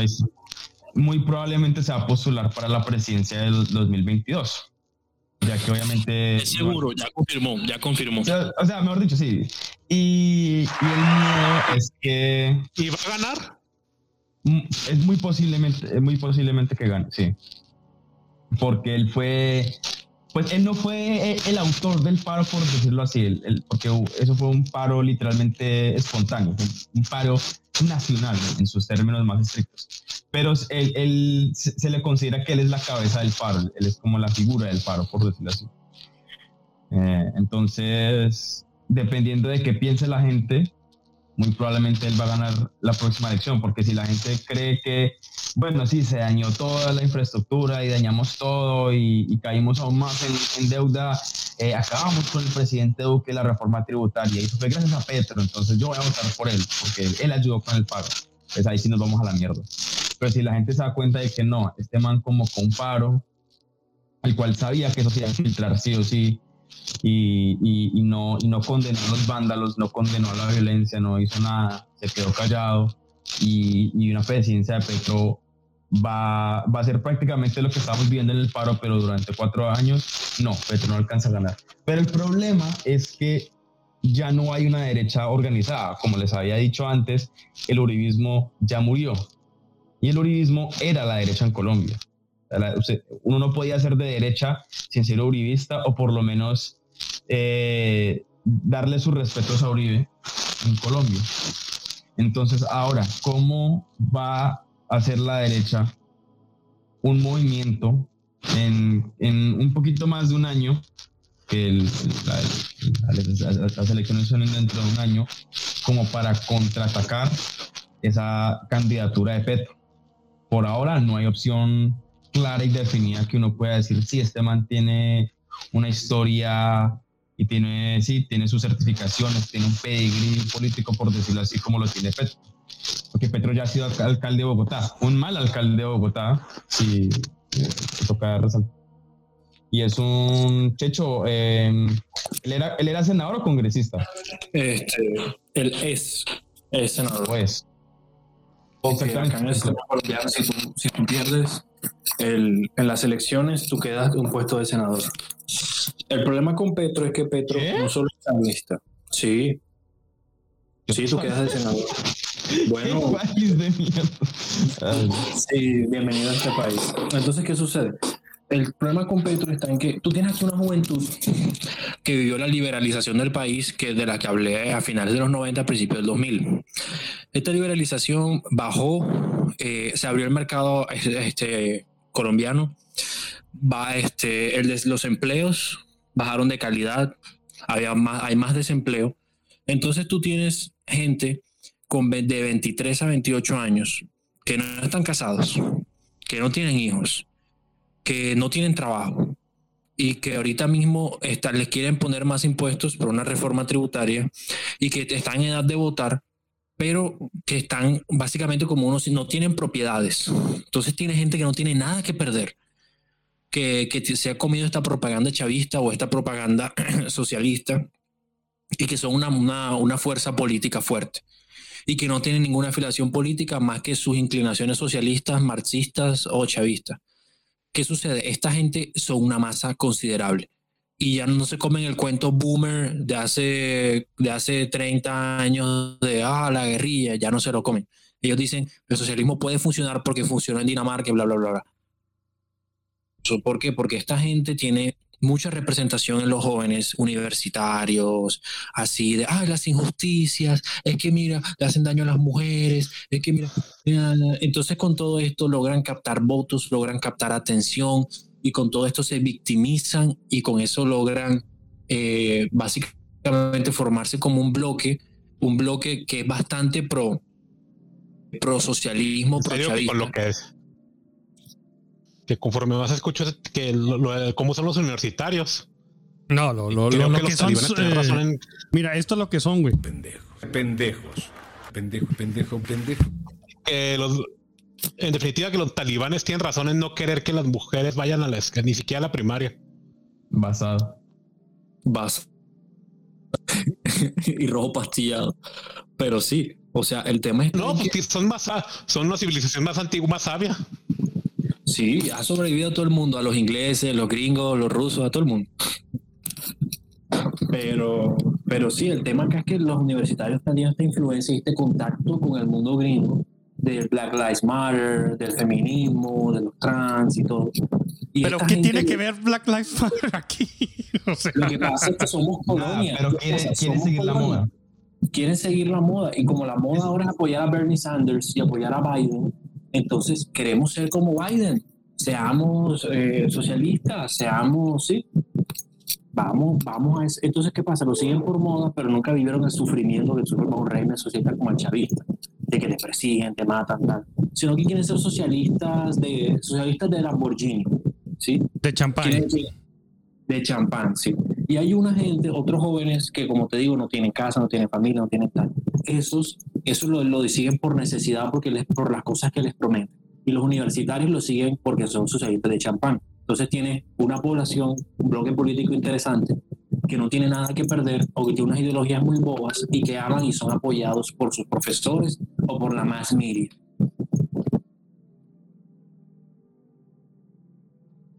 A eso tengo que agregarle que Colombia ha sido un país muy eh, americofilio, se podría decir, durante, las, durante estas décadas, tanto en la izquierda como en la derecha.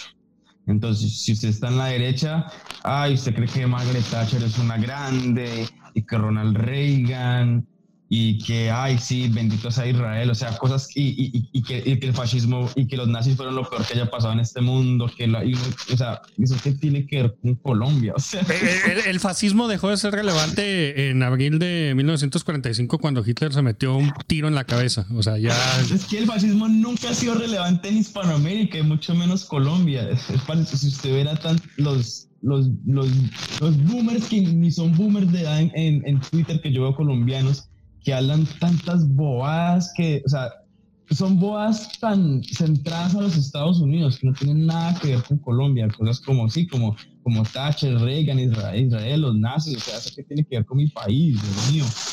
Y también la izquierda es igual, pero la izquierda obviamente le sigue las mañas a la, a la izquierda estadounidense. Entonces, sí, entonces cuestión de, ay, que la cuestión de los afrocolombianos, que los indígenas, que las mujeres trans, que ay, no, que Dios mío. Porque sí, porque somos un país que le lame las bolas a Estados Unidos en, en absolutamente todo, en, en todo aspecto de la cultura hasta en lo político, tanto en claro, la como en la izquierda. Porque, porque la derecha acá, que era católica nacionalista, perdió su carácter en los 50 y desde allá para acá es una derecha americana y una izquierda internacionalista, porque la izquierda, socialismo o marxismo siempre ha sido internacionalista. Y en los Estados Unidos de Norteamérica, por su liberalismo, ¿quién lo diría? También son internacionalistas. Entonces no tienes nacionalismo fuerte.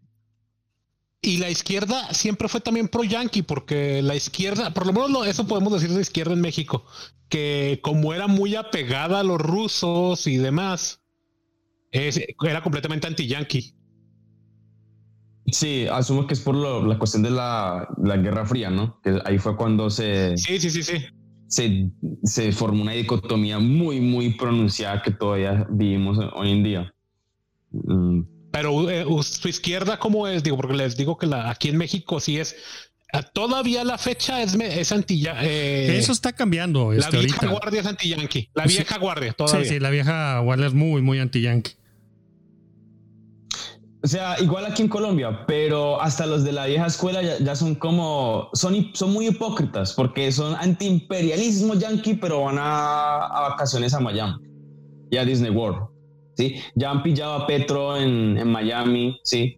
Gozándola de lo rico, gozando de los frutos del imperialismo yanqui, pero bueno, entonces ese es el problema con, con la cuestión de las elecciones 2022 en Colombia, que no hay una derecha que todo el mundo pueda decir, sí, esta derecha me representa, esta derecha no tiene complejos raros sobre o sea, Israel y, y qué, y eso que tiene que ver con nosotros, o sea, entonces y, y, y, claro, como ser de, izquierda está de moda hoy en día, porque, pues por, gracias a los Estados Unidos, obviamente, al globo homo, al jam, como lo quieran llamar. Entonces, todos los universitarios que se quieren creer súper intelectuales y, y, y, más abiertos mentalmente que ustedes y bla, bla, bla, pues van a votar por Petro, ¿no? Y estos mismos hijos de madres de la izquierda, cuando se den cuenta que el país está yendo a la, a la chet, ¿sí? Se van a ir del país, como siempre, como siempre pasa, y después van a hablar sobre lo excelente que es Petro en Madrid, o en Miami, o en Bruselas. Y súper tranquilos mientras el campesino colombiano sufre. Que ese es el problema con esta gente, que los socialistas de champán lo que hacen es que cogen un avión, ah, claro. se largan. O sea, es que socialismo significa que los ricos no tienen, los ricos jamás van a ser ellos, los ricos son los malos, entonces o sea, para ellos los ricos son la, esos feos, los malos, los retrógrados católicos. Nicolás ellos dijo algo muy sabio. Él dijo que el marxista define la burguesía para esconderse de que él es uno de ellos. Sí, pues el que sí, crea la excepción ¿no? es el que es el que está mandando, básicamente. O sea, ellos están creando una excepción para, para ellos mismos, este, y que, uh, pues sí, vean a toda esa bola. Inclusive van a irse a, a, a, extremos para a decir, este, como estamos viendo en Estados Unidos, de que, de que el granjero que está en Illinois y no sé qué, ellos son los que están eh, dominando el país y, y, sometiéndolo. O sea, se vuelven sí, o sea, grupos como la NRA. La NRA gobierna Estados Unidos, ¿no? Ah, claro. Cuando o sea, cuando la NRA gasta, no sé, digo, y que no me vale, no importa, pero, o sea, no tiene, están en quiebra casi, pero este, ellos son los que gobiernan realmente el Estado, Estados Unidos. Los vendedores de armas, no las compañías de software que valen una sola de ellas más que todas las compañías de armas juntas.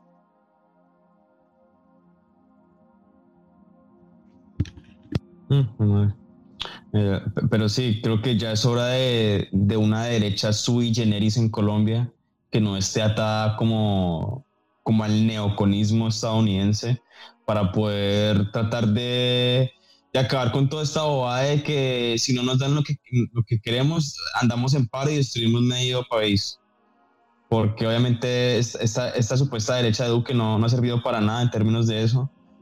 No tiene, no tiene una visión, no tiene una característica que, que uno pueda denominar, sí, esto es de derecha, esto es tal derecha autoritaria o tal derecha autoritaria o tal, esto, esto, esto, aquello, sí, el, autismo político, por decirlo así. Uh, ya, ya, ya es, es, sí apoyo, yo viví en la época de Uribe, cuando era pequeño, ¿sí? y sí se notaba la, la, se la diferencia. Era un país mucho más seguro, mucho más próspero, con, con un futuro un poco más, eh, ser, eh, un, futuro mucho más cierto, un futuro más próspero, por decirlo así, se me fue la palabra. Eh, pero sí, esa, esa, época ya pasó, eso, eso ya, esa época ya no existe. Imagínense que, digamos... supongo que es lo que quieres decir. ¿Perdón? estable. Sí, un país, una era más estable, pero ese tiempo ya pasó, ya Uribe ya no es presidente, ya... Eso, eso es como, por ejemplo, imagínense que, que la gente todavía está pensando de Trump en el 2030, o sea, esa, esa era ya pasó, hermano, ya reinventen su derecha, tiene que hacer algo nuevo, adaptarse a lo que, lo, que, lo que es hoy, lo que no fue, y, y, no lo que era antes, porque si no va a seguir la izquierda ganando y ganando y ganando, Colombia se va a ir más a la miércoles, al miércoles, al miércoles y vamos a quedar como Venezuela y, y bueno, y después qué, y ahí donde quedamos, siendo un títere de chino. O sea, pasamos de ser títeres gringos a ser títeres chinos y yo no quiero ser títere de nadie, creo que pues como estábamos hablando, ¿no? Tener una Hispanoamérica unida, que, que, sea, que nosotros seamos nuestra propia potencia mundial, no tener que depender de, de una potencia u otra. Pero bueno, sí, ya es otro tema. Por lo menos un eh, si somos, estamos aislados, eh, por lo menos que no, o sea, que nos vengan a joder de otras partes del mundo. Eso es lo que tratar, deberíamos intentar lograr. Desgraciadamente, los únicos que están también, o sea, el de los grandes problemas, los únicos que están viendo por tratar de medio unificar la América Latina son los chavistas. Los del grupo de Río, grupo de Puebla ahora. La de, ninguna de hecho ha intentado la unificación de los, o sea, o presentar un frente común al mundo exterior. No, lo, lo, que pasa es de que con muchas de las derechas que, que hay en cada uno de los países pues son sumamente nacionalistas y en cuanto les empiezas a hablar de, de, unidad entre pueblos hispanos, este, pues, o sea, e, empieza a sacar un montón de invectivas, este, de, de, lo que, especialmente en Sudamérica, de, no, pues acuérdate de esta guerra y nos odiamos entre nosotros y bla, bla, bla, o sea, un chorro de, de, de, de, de de estupideces este, que ya ahorita no, no, no aplican.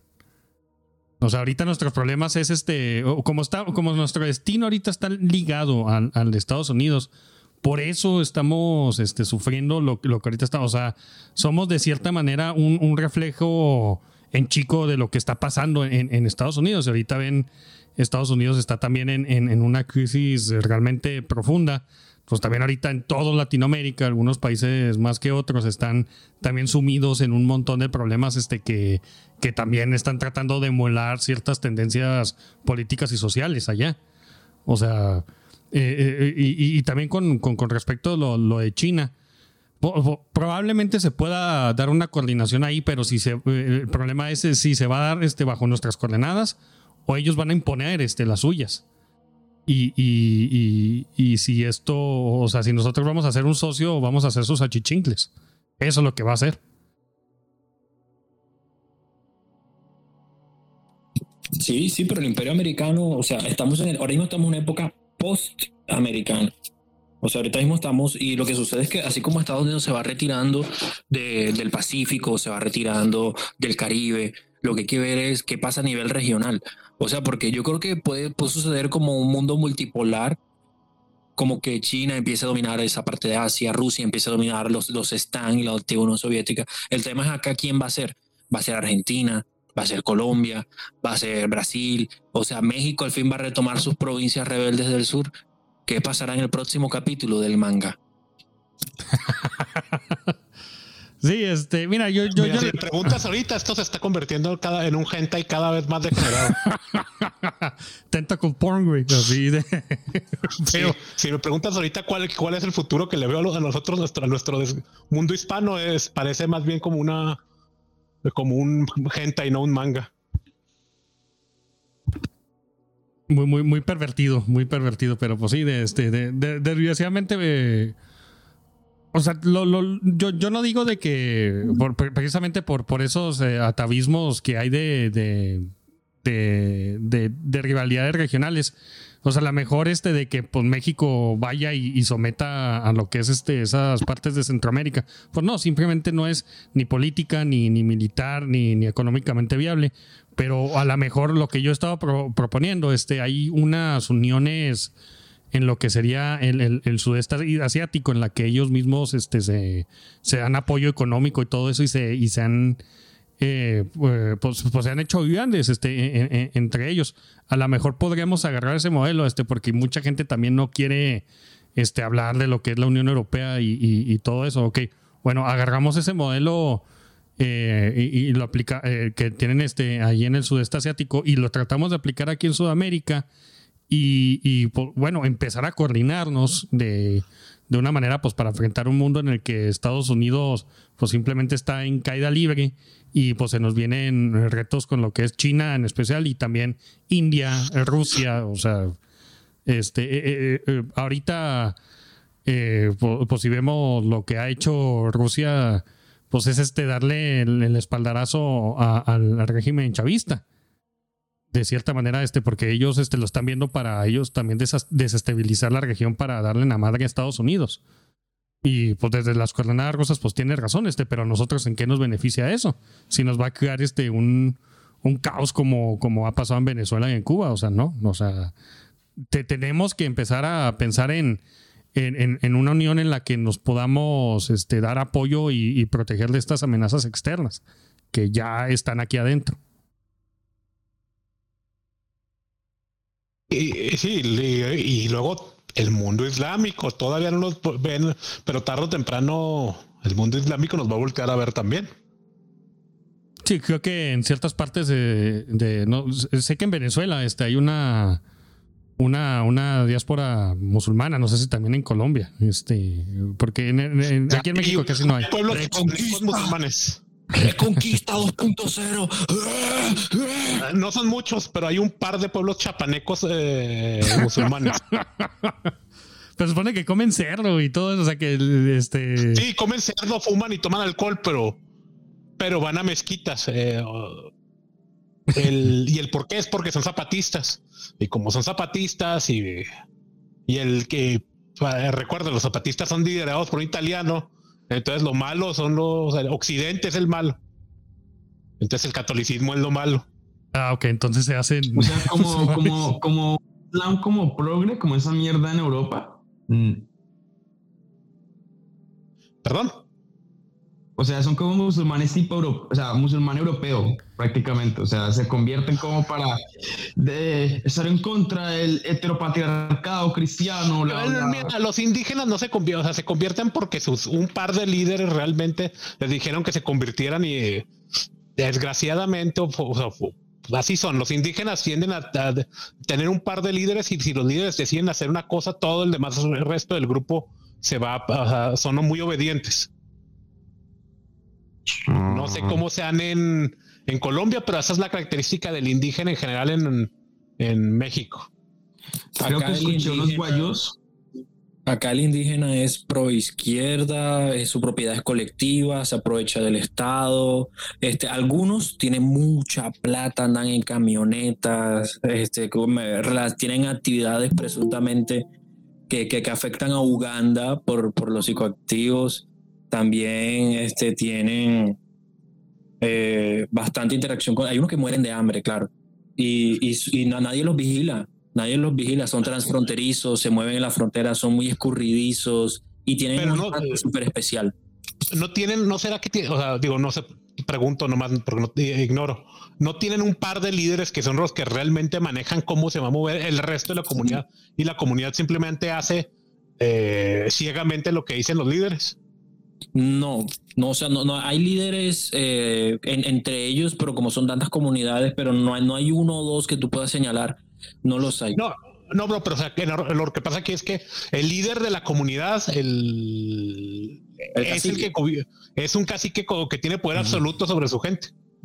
Es, eh, y es impresionante. Si él, te digo, si se convierte uno a una religión, todos los demás se convierten. Entonces, como funciona el- los zapatistas, es que es un consejo, de esos líderes que a su vez están dirigidos por un italiano, el subcomandante Marcos. Siempre es un italiano, ¿verdad? Pues tenía que ser un europeo, porque obviamente tenía que ser un europeo el que te- el que mande todo a perder. Sí, acá no pasa eso, acá, acá ellos no son una fuerza armada, bueno, no, no armada fuertemente, pero sí siguen los intereses de, este, de ciertos grupos que mueven estupefacientes. De hecho, eh, si no estoy mal, en la, en la área de, de- de Cali hay presencia del cartel de Sinaloa. Se dice, se comenta. no lo dudaría. no sé. O sea, es- eso es más que todo en el Cauca, porque en el Cauca, el Cauca es prácticamente una región medio controlada por el Estado, mejor dicho, el Estado prácticamente está perdiendo control del Cauca, porque eso supuestamente tiene que ser, sí, eso eh, debe- tiene que darle respeto a los indígenas, que su tierra sagrada, que bla, bla, y eso que hacen esos piros, cultivar estupefacientes. Entonces han habido nexos entre los indígenas, eh, algunos, pues no sé qué carteles, pero algunos carteles y eh, colombianos y ya los carteles mexicanos. Entonces, No lo dudaría, Pues, la, la, la verdad. No, ni yo. los- Es que el- siempre el- ha habido mucha, eh, mucha, ¿cómo se llama? Coordinación entre los carteles del, del narco mexicano y, y- y el colombiano. Primero le, este, le estaban haciendo los favores, este, pues ahí al, a, a los carteles Éramos, de éramos Cali los intermediarios. Éramos los intermediarios, pero les estábamos haciendo, este, pues éramos los achichincles de los colombianos. Ahora ya las dinámicas, pues se han cambiado un poco, este, ya ahora de que Estados Unidos con el Plan Mérida se ha metido más aquí a México. Pero pues bueno, aquí ya tenemos con nosotros a lo que sería Tercio y OG. Este, no sé si se quieran presentar. No, no, no, no quiero. ¿No quieres? No, pues vete a la chingada entonces, Tercio. ¿Para qué vienes? Si nomás viene a valer verga, entonces. Bueno, me voy pues. Me, me voy pues. Chao. Bye. Ay, Bye. Sí, sí. No, no, quédate. Ah, pues aquí nada, estoy, estoy aterrizando, pues. No, ni siquiera estoy escuchando ya los zapatistas y demás. pero No. Y pues OG está ausente. Está en espíritu, pero no, no, no. Él está ahí, él está ahí. Do- dos streams en- seguidos eh, eh, es mucho. Bueno, un día ayer, ayer estuvimos hablando también en, en- ahí respondiéndole en A mí inglés. a- en inglés no me habla. Así como Ah, diría no, en Manolo inglés- Cabeza de. Huevo.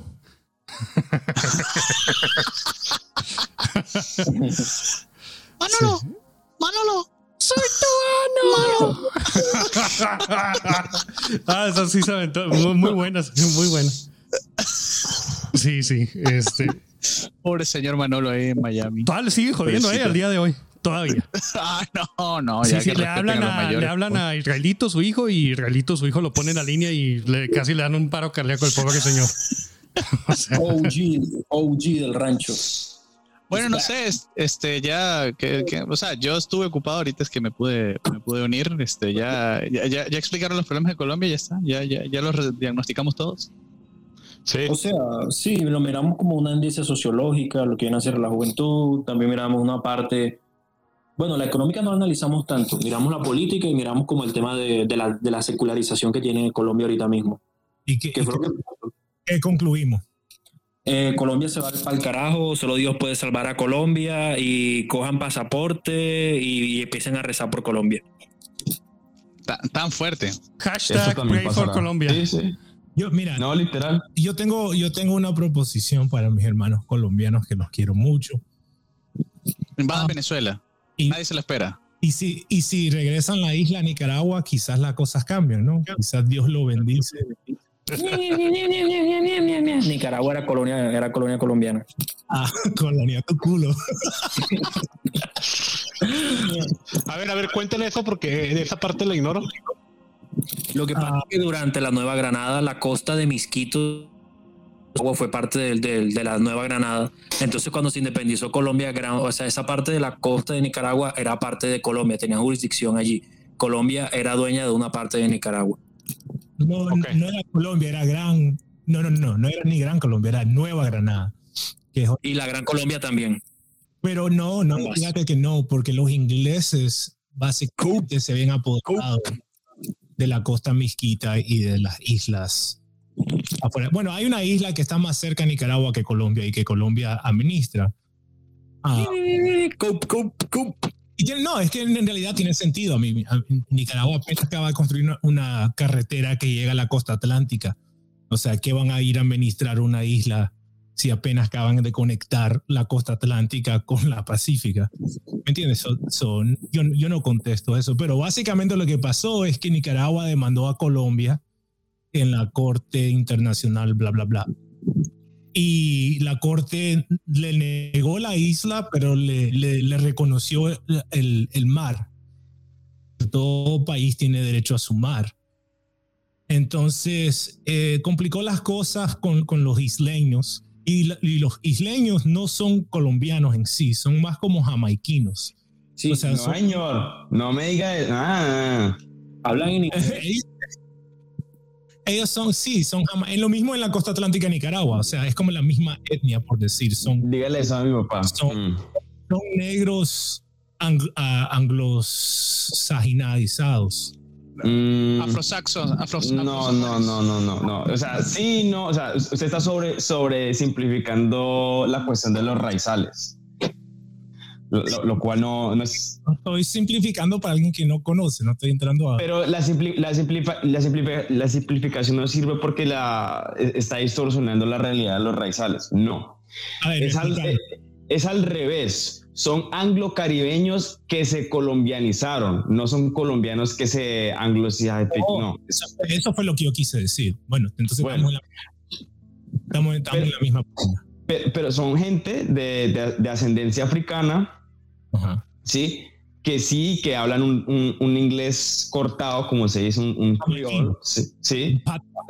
Algo, algo así, sí, sí pero el, el, el de ellos tiene pues varias jergas y varios colocalismos colombianos, sí, pero ellos no se consideran ni jamaiquinos, ni británicos, ni nada de eso. Todos se consideran colombianos, muy, muy poquito.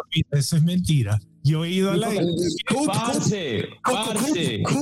Hable con mi papá, hable con mi, papá, hable con mis tíos. Mi esposa no es raizal, por favor. no, se, peleen. están, perdiendo el tiempo peleándose cuando deberían estar invadiendo Venezuela. Oye, eh, entre esas, Venezuela tiene, tiene una, una buena cosecha italiana que vale la pena tomar Venezuela. Sí, sí, o sea, claro, y, y, poder la iglesia y también llegar y casarse con ellas, hacer las monjas y también aprovechar la cosecha. Está bien, está bien. Pues sí, nada, es pura joder lo de la isla, pero sí, no, decirme, mira, mi esposa no es raizal, pero nació en San Andrés. Y yo he ido a San Andrés varias veces y he hablado con los raizales y no todos son pro Colombia. ¿Y quisieran ser independientes o quieren unirse otra vez a Nicaragua? es una isla tan chiquitita, o sea, es una isla que en media hora le das la vuelta, o sea,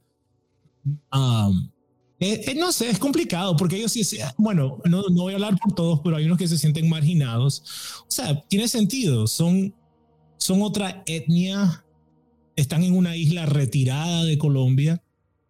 Entonces entran, están, y, y el problema es que la isla se está como sobrepoblando.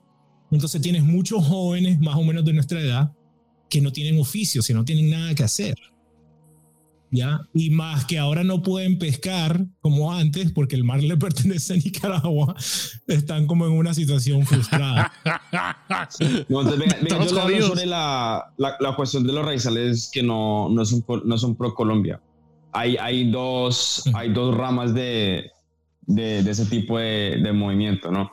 Hay movimiento independista y hay movimiento pro-británico, por decirlo así. ¿sí? Entonces, el, el, movimiento independista, de hecho que uno, uno, de los que, de hecho, uno de mis tíos estaba involucrado en, el, en los 2000, colapsó porque prácticamente no, no hubo apoyo de la población y todavía no lo hay porque una, un, un archipiélago independiente prácticamente no tiene que asociarse a otro estado, ya sea Aruba o Jamaica o sí, porque eh, como, como dice usted, el archipiélago es tan pequeño que, que no vale la pena ser un, un, país independiente porque es que no tiene todos los recursos de, que un país independiente requiera. Aún, aún así, un país caribeño, ¿no? Entonces, el, el, la otra rama sería la, la rama pro-británica o pro hasta estadounidense, se podría decir, que, que hagan lo, lo mismo que hizo Puerto Rico y unirse no oficialmente a ya sea el Reino Unido o los Estados Unidos, como las Islas Vírgenes, como... Un territorio. Sí, sí, prácticamente sí. Eh, ese sí es un poquito más, más popular, ¿no? Creo Pero sí, no creo. Eso no lo veo pasar. No, no, no veo Colombia soltar la isla. No, no, no lo van a soltar, ¿no? Sí, no. No, no pues nomás con que te dé acceso al mar, ya con eso es más que suficiente. Pero la isla está bastante integrada también, no se puede negar, con la costa atlántica de Nicaragua, porque son básicamente la misma gente, la misma cultura. Y Costa Rica, o sea, la, la comida que llega a la isla, mayor parte viene de Costa Rica, porque Costa Rica tiene un buen uh, puerto en, en el Caribe. Entonces, como la isla está más cerca a, a estar a, a, Nicaragua y Costa Rica que a Colombia, el viaje de, de, Costa Rica a la isla es más corto. Entonces, casi toda la comida que es importada, porque es una isla chiquita, viene de, de Costa Rica. Oye, oye, tenemos este aquí a, en, bueno, en, en, tu en tu grupo tenemos a costarricenses, a ticos. Ah, fíjate que no tenemos a ticos. Hay un tico que, que me seguía en Twitter y, y compartíamos mucho, pero um, y era parte asiático, creo que era parte chino. Ah, me caen bien los costarricenses, a pesar de nuestra rivalidad estúpida por el fútbol, este, sí, son, son buena onda. He, he compartido con ellos y la verdad sí, se acoplan bueno, muy bien. Costa Rica es Nicaragua del Sur. So, sí, también me. Cup, cup, cup, cup, cup, Cupland, Cupland. No, no, pero o sea, ya, hablando de la seriedad, pienso que lo que de Centroamérica debería unificarse, sinceramente. Lo que viene a ser desde Panamá hasta Guatemala debería unificarse completamente. No, Pana, Panamá no, Panamá, Panamá regresa a la Colombia. Fíjate, fíjate, yo antes pensaba así, pero honestamente um, es interesante porque es el istmo, ¿verdad? O sea, incluso antes que vinieran los españoles especialmente la, la, región de Nicaragua y Costa Rica, era donde, por decir, el mundo de, de, los chipchas, los, los, los, indios de los Andes, se encontraban con los indios de Mesoamérica. O sea, era la frontera entre Mesoamérica y decir como the Greater Andes, por decir, ¿verdad? Entonces, um, o sea, los primeros españoles que llegaron a Nicaragua llegaron por Colombia, o sea, llegaron por lo que llamaban Veragua, o sea, llegaron del sur, antes de los que venían desde eh, Tenochtitlán, de, de, Nueva España, o en ese tiempo no era Nueva España, acaban de conquistar el imperio azteca. Se llegaron al sur, pero llegaron primero los que vinieron por el norte, Balboa, que fue el que descubrió uh, el mar Pacífico en Panamá. Yo, yo pienso ahora, honestamente, que el triángulo norte de Centroamérica, es decir, El Salvador, Honduras y Guatemala, es mucho más similar al sur de México. No digo que Nicaragua no es, pero Nicaragua está como entre medio. Nicaragua es como mitad Colombia, mitad México, en, en ese sentido. Ah, pero acepta que es Colombia. Acepta, pero Colombia. Ahí, espérate, espérate, ahí voy a llegar, ahí voy a llegar. Entonces, los países del Triángulo Norte Um, sí, Guatemala es más cercano a Chiapas que. Oh, sí. Incluso Campeche, um, la gente de Campeche tiene un hablado muy similar al, al Triángulo Norte. Sí, sí, uh, bastante. Y, y, la región maya, o sea, tiene un sentido hasta precolombino. Uh, es la región maya, ¿verdad? Um, bueno, aunque Nicaragua también fue como el, tope final o, la parada final de Mesoamérica, por decir. Pero yo, yo pienso que, y, geográficamente si ves el mapa, uh, Nicaragua, Costa Rica y Panamá tiene más sentido porque está viendo hacia el Caribe, tiene más sentido tener como una unión con Colombia, especialmente en el sentido de la costa, incluso Venezuela. Nueva Granada will, will come back. En ese sentido, sí. O sea, porque... Nueva Granada, great again.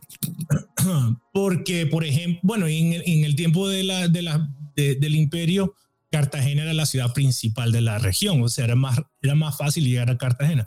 El problema de, de, Nicaragua es que la, la, mayor parte de la población está en el lado Pacífico, entonces no podían cruzar tan fácilmente y llegar a Cartagena, entonces se iban a, a, la, a Guatemala, a la ciudad de Guatemala, era la ciudad principal.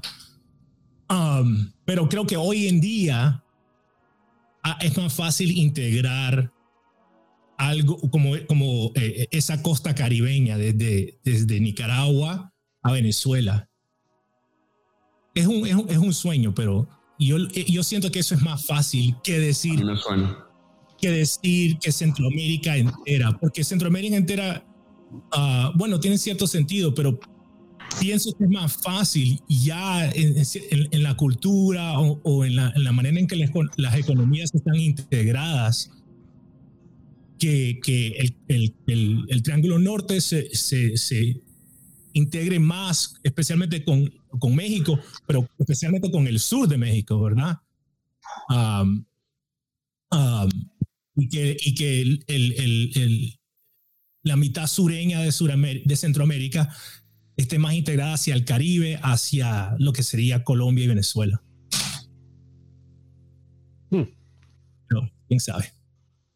No tiene sentido. Sí, este, pero pues yo la verdad, o sea, veo que pues aquí todos estamos, este, y pues la verdad así las, las diferencias, así que tú digas mega enormes, pues no. No, no, para nada. Mira que este, lo que fue eh, Trotsky, cuando ustedes saben que Trotsky estuvo en, en México y también que él fue amante de, la judía, Frida Kahlo, que cuando Trotsky estuvo en México, él hizo un análisis de lo que vino a ser toda la región eh, de Hispanoamérica y él soltó un comentario muy interesante. Trotsky dijo que Hispanoamérica se ve como las provincias de un imperio que más como estados separados y que era algo antinatural la división que hubo aquí mismo en, Hispanoamérica. Y, o sea, no me gusta estar de acuerdo con un tipo, con un tipo así, pero el tipo tiene razón. Tiene razón, Trotsky tiene razón. O sea, las diferencias son meramente culturales o son mínimas. Mira, Trotsky es basado, no me lo puedo creer por, no, no es que sea basado, por lo menos tiene una contada hasta ahora opinión basada. Por lo, por lo menos una. No puedes decir que era un pendejo. O sea, Trotsky no tenía pelo. Bueno, no tenía pelo. No, bueno, sí, sí tenía el pelo. No era, no era yo, yo, tengo la mañana de decir el chiste que cuando, alguien dice algo súper hispanista, como yo digo, ah, eh, Trotsky el hispanista o algo así. O sea, pero como por chiste, no, obviamente. Sí, pero. Hay gente inteligente de la izquierda, o sea, de, la, de nuestros enemigos. Hay, gente brillante. Sí, check. Sí. Ahí está. O sea, no, podremos estar de acuerdo con mucho de lo que diga este, pero pues de que el, papá, el papá perdido de Cavernario. Ah, sí, es cierto. Así es. Mira, opina exactamente lo mismo que yo de los vegetarianos, que son unos degenerados. Degenerates. sí, necesito ese maldito drop, pues muy bueno. Mira. se van a volver changos por no comer carne. Yo te voy a decir, este, eh, vas a encontrar que, bueno, es que lo que pasa es que la, izquierda y la derecha están tan, tan indefinidas y tan degeneradas, pero eh, vas a encontrar que hay mucho apoyo en la izquierda a, posiciones. Oye, pero qué falta de respeto. Vale, estoy hablando. Oye, pero para, eso, para eso quieres que me una al stream, para ponerme ese, drop. Ah, déjame pensar. Bueno, eh, hay mucha gente en la izquierda que tiene las ideas correctas sobre la Unión Iberoamericana, Hispanoamericana. Y de hecho, me parece que te las encuentras más seguido que gente en la derecha que, digamos, que si, si, si vas a apoyar una noción o ideas ultranacionalistas, este, digamos, un poco angloficadas, pues te vas a, te vas a tener, tender a, en vez de, de, querer buscar una, una confederación o un eh, un, nuevo, un nuevo imperio, como, como lo querramos llamar, a esta cuestión de como que no, yo me tranco en, en mis fronteras y ya. eh, No, y no solo la- eso. la Ah, no, X. Claro, claro, yo... hasta yo- dividirte. O sea, cuando Yo- eres, este, Ah, claro, hasta, hasta- hasta- hasta hablarían de, de secesión, de que el norte de México tiene que seceder porque es una, tiene que separarse porque es una nación distinta al México del Sur y todo- todas estas ideas. Este, Claro, yo, yo hasta lo he visto, yo lo he visto hasta, hasta, hasta la misma Colombia, sí. El, el, el, el movimiento independentista antioqueño, que es muy pequeño e irrelevante, suele ser de derecha. Y, y, todo, y todo discurso prohispanista proviene de un marco o, o específicamente guevarista, ni siquiera chavista, eh, o guevarista o chavista. De hecho, eh, un- uno ve varias imágenes, o sea, como, pues como en los grafitis, ¿no? Uno ve una Hispanoamérica unida y en la Hispanoamérica unida ve la cara de Chávez, o sea, como con el contorno de... El comandante eso sí, eterno. de eso sí me he dado cuenta, claro, claro. Y Claro, hecho es eso- que. Ah, te- Perdón. perdón, no, No, no, no, sí, sí, sí, sí. Ya, ya. Eh, eh, no, que justamente, nada, que la, la, la, la derecha totalmente irrelevante, encerrada, hablando, o sea, tú los ves en Twitter y se ponen a discutir de qué haremos con el Esequibo y no sé qué cosa. Es como que, viejo, la izquierda te está comiendo vivo. Del foro de Sao Paulo forman alianzas internacionales, este, te, desestabilizan el país con protestas, hacen lo que les da la gana y tú ahí pensando de cuando el gobierno nacionalista llegue al poder, este, vamos a expulsar a todos los zambos. Es como que, ¿qué estás hablando? o sea, la, la- la izquierda te está destruyendo, te está comiendo por completo. Ah, el continente entero es de izquierdas. Ellos son los que, la, izquierda es la que es capaz de eh, formar. La, izquierda es la que entiende el, el potencial y el poder de, digamos, los lazos este, civilizacionales eh, interétnicos de los distintos de los distintos países de las distintas repúblicas este, eh, hispa- hispanoamericanas o hispanas en general y ellos sí son los que crean las redes de apoyo las de conexión y todo eso lo ves Pablo Iglesias metido en todos lados en Caracas en Perú etcétera y la derecha perdiendo el tiempo hablando de, de crecimiento económico o de el sionismo o de que van a Ay, no. recuperar el, eh, eh, sí, sí, o de, o de que van a cualquier estupidez que van a o sea sí, el Esequibo es venezolano quiero, quiero, quiero que quede claro que yo pienso eso el Esequibo es de Venezuela pero ah, llega al poder primero y luego te pones a discutir No, hablando del sionismo, o sea, eh, el, el, el Twitter mío estaba insoportable cuando pasó lo de Gaza, güey. Colombianos hablando, es que, ay, yo apoyo a Israel, yo apoyo a Israel, y yo, marica, o sea, primero que todo, esos manes odian a Cristo, o sea, así que... No, yo, yo, yo soy favor a cuetones de, de 80 pesos. Ese, ese, ese me hace basado. Mira, como de como, en el, como will en el meme que si le dices a un palestino, a un árabe, no, viva los palestinos, te regalan la comida. Si le dices a un judío, viva Israel, te dice, ah, gracias. Si es que te dice algo. Ya, ¿Dónde- dónde está mi decir eso. propina? No están mis checkles, no están mis checkles, sí, güey. Es que mira, hab- hablando de esto de la derecha e izquierda, que es más, tiene más sentido de la, de la, de la patria grande, um, es que la izquierda se ha formado contra el imperialismo yanqui, ¿me entiendes? Es como, como ah, la- ha continuado esa batalla, no conscientemente, pero ahora podemos ver hacia atrás esa batalla civil- civilizacional comparado a la derecha que siempre buscaba, parece más como a emular al mundo anglosajón, a imitarlo. Sí, eso Es fue que por la el cuestión queríamos el del- primer mundo. de la Guerra Fría. No, es que eso, eso se basa más que todo por la cuestión de la Guerra Fría. Porque claro, como Estados Unidos se, se postuló como el, el enemigo del comunismo y el enemigo de todo este tipo de cosas, pues la derecha hispanoamérica que se consideraba católica, religiosa y todo eso, pues se afilió a, a, esta- a a esta derecha estadounidense que obviamente es, es protestante y es anglosajonista y todo eso. Imagínate, Y- el protestantismo está, va a causar unos cambios muy profundos en Latinoamérica, Hispanoamérica. Claro, claro, claro. Entonces eso fue como el, el- Ya el- lo el está haciendo. la derecha. Ya lo está haciendo. Ya Sí, está sí, haciendo. o, o sea, inclusive ya está hasta dividiendo familias aquí en, en- en Es el México. un, en México el único partido realmente que tiene, o sea, la única religión que tiene partido son los protestantes. Sí. Hasta- o sea, el presidente es protestante, ¿no? Ah, no sabemos a ciencia. El, el presidente lo que necesita hacer es. es- sí, es, pero o sea, eh, es hábil. O sea, pero, pero es como, como no. Como, ¿Cómo va a ser de otra manera si todo el cuento de la separa, todo el cuento de la ilustración de la democracia, de la, la separación del, del Estado y la Iglesia, etcétera? Eso era la separación del Estado de la Iglesia católica. Las demás iglesias eran, son libres de tener sus partidos y tener sus, sus, estados. Pero el peje no es este anti-iglesia católica, ¿eh? Nunca ha sido. No, yo sé, por eso es mi emperador. Él es el emperador Nordaca, el peje. Ahí están las masacres. Tato cacas. Esa risa me mató, bro. Sí,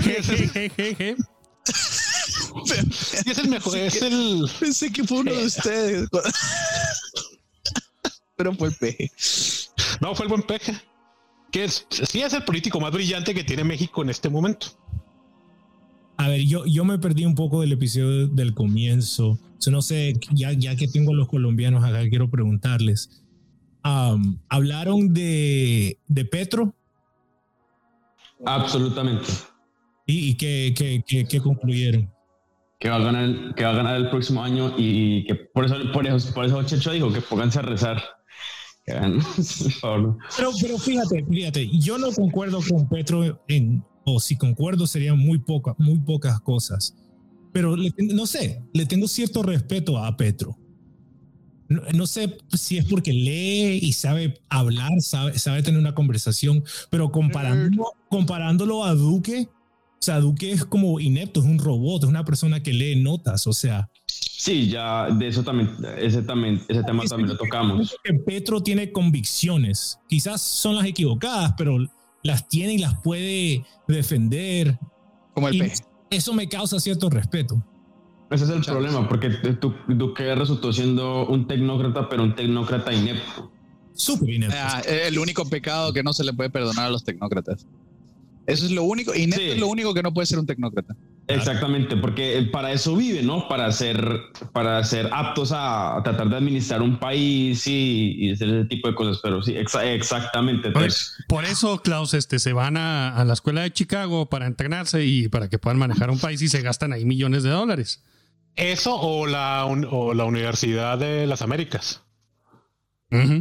Entonces, lo, lo, que tiene que darse cuenta la, la, derecha colombiana, y esto ya lo hablamos, lo estoy reiterando para usted, Noel, es que tiene que abandonar el uribismo de una vez por todas. O sea, el uribismo ya murió, eso ya no puede seguir existiendo en Colombia. Tiene... Y para ser honesto, o sea, y yo conozco gente en el Centro Democrático, familia, so, si me escuchan acá, quizás se van a enojar conmigo, pero el Centro Democrático, el uribismo no es de derecha Claro.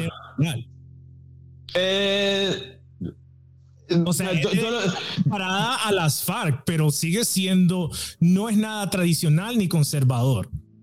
Ni, ni aunque, aunque usa la retórica de, conservador social, no lo es. O sea, es que ni, es que ni neoliberal es porque mm, si por lo menos fuera, fuera, neoliberal, abriría un poquito más el mercado. Sí, es que ni, es que ni siquiera es eso, es un, es un, es un estado fundamentalmente socialdemócrata y mercantilista. Dado que el uribismo ha reinado desde el 2002, Colombia no ha liberado sus mercados. O sea, sigue siendo un país bastante estricto con todo, con, con, con el grabado de impuestos, con la facilidad de abrir un, eh, un negocio, con, con, los mercados. Sí, yo lo considero más un, un partido sumamente socialdemócrata, como, los, como, los, como el Partido Socialdemócrata Sueco, pero en, lo económico, pero obviamente es un partido supuestamente eh, conservador en lo cultural y en lo social. Entonces, eh, por eso, por eso dijo, por eso dije supuestamente, ¿no? O sea, Al, al, estilo partido conservador en Inglaterra, ¿sí? Los stories. Y por eso digo que la, esa derecha uribista, supuesta derecha uribista, tiene que morir eso tiene que acabarse. O sea, no, imagínese usted en Estados Unidos que la gente todavía sigue hablando de Donald Trump en el 2030. en 2035. O sea, esa, esa historia ya pasó. O sea, 2077. Cuando ya por Ay, no, Dios, Dios mío. yo, no sé, yo no sé qué hablan. El, el, mundo se acaba en el 2030, así que no sé de qué hablan. No, ya se acabó en el 2012. ¿Se acabó en el 2012? Sí, sí, con los mayas ya se acabó. Sí, Es que ya estamos viviendo como en el postmortem, güey. Sí, esta es una realidad virtual en la que estamos viviendo, este, en la que... Ah, con, razón hay tantos UFO, UFOs, eso, ovnis, perdón, en, español, con razón hay tantos ovnis ahora, estamos viendo los... Hombres polilla sería aquí en, nuestra región, hombres polilla. Esta vez Dios no, no se ha piedado de nosotros porque se dio cuenta que no, no merecemos su piedad, pero bueno. Estamos bien. Bueno, no, no lo merecemos. No lo merecemos. Es que es, es, es, verdad. Sí, es verdad. es una para calzón quitado, sí. Ajá, eh, entonces, Klaus, porque continúa un poco. A ver, que si tú tuvieras una varita mágica de cierto poder, ¿cómo arreglarías los problemas de Colombia? ¿Cómo arreglaría yo los problemas de Colombia? Bueno, primero que todo, toca destruir toda, todo el sistema político colombiano, ¿sí? Tiene que federalizarse más, tiene que seguir un, un, modelo, o sea, menos impuestos, porque eso fue lo que empezó el paro, ¿sí? Toca reintroducir el concepto de caridad privada y caridad de parte de la iglesia. Em, eh, bueno, dice ta, ta, ta. Pero mira, eh, hablando, hablando de Uribe, o sea, Uribe tiene Perdón, lo estoy escuchando. País, pero. Perdón, oye, te nos cortaste, no, no, te escuchamos. Sí, ya te escuchamos. ahora sí. Hablando de Uribe, o sea, él tiene la influencia sobre el país porque el élite antioqueño, no sé tanto si el, el, élite cachaco, pero incluso el élite del, de la costa está con él. O sea, vieron a él que él como que pudo hacer algo con con arreglar los problemas de la guerra y le tiene como mucha fe. Eh, parece que está desvaneciendo. Ah, sí, esa, esa, buena fe ya se está acabando, sí. Pero, pero ese, ese, esos élites de, estas diferentes regiones de Colombia, o sea, ¿qué, ¿qué buscan? ¿Cuál es el sistema que ellos... Parece que no hay, no hay acuerdo entre ellos. Parece que, no, no sé, me parece a mí que la élite de Bogotá siempre está como muy egoísta. Claro, por, eso digo que al país toca federalizarlo. Siempre he propuesto o un modelo ruso o un modelo eh, suizo. Cualquiera de los dos, en realidad no me importa, porque sí, es, eh, eh, exactamente es la élite bogotana que ha controlado el país desde, desde que se fundó prácticamente, ¿no? Y pues como sabemos, hoy en día todo el degenero entra por la capital.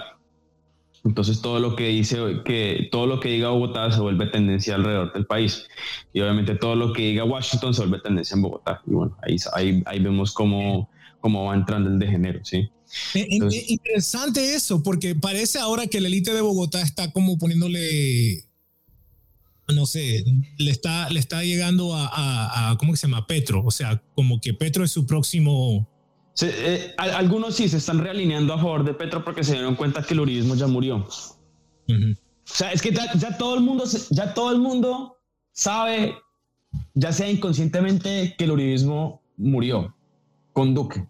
Ya no va a poder ganar elecciones, ¿sí? los únicos que, no, que, que están en negación son los mismos uribistas, pero bueno. Entonces, lo que están haciendo ciertas élites colombianas más que todo élites simpatéticas al progresismo y todo eso, eh, se están aferrando más a Petro como para que puedan negociar con él.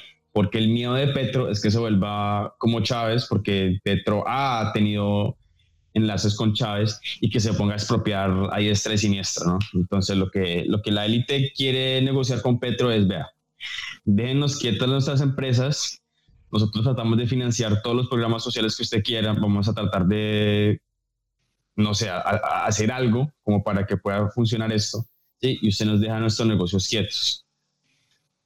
Eh, entonces, ya la cuestión es, ¿aceptaría él ese tipo de, de, negociación? Yo diría que sí, porque Petro siempre ha querido buscar la presidencia, ya lo ha hecho dos veces, en el 2010 y en el 2018, y obviamente en el 2022 por una tercera vez. Em, llega a pasar eso y el país queda rotundamente progresista de aquí hasta que colapse, porque él, es súper pro LGBT, él es súper minoría, super, o sea, él es el, el Bernie Sanders colombiano, pero, pero guerrillero.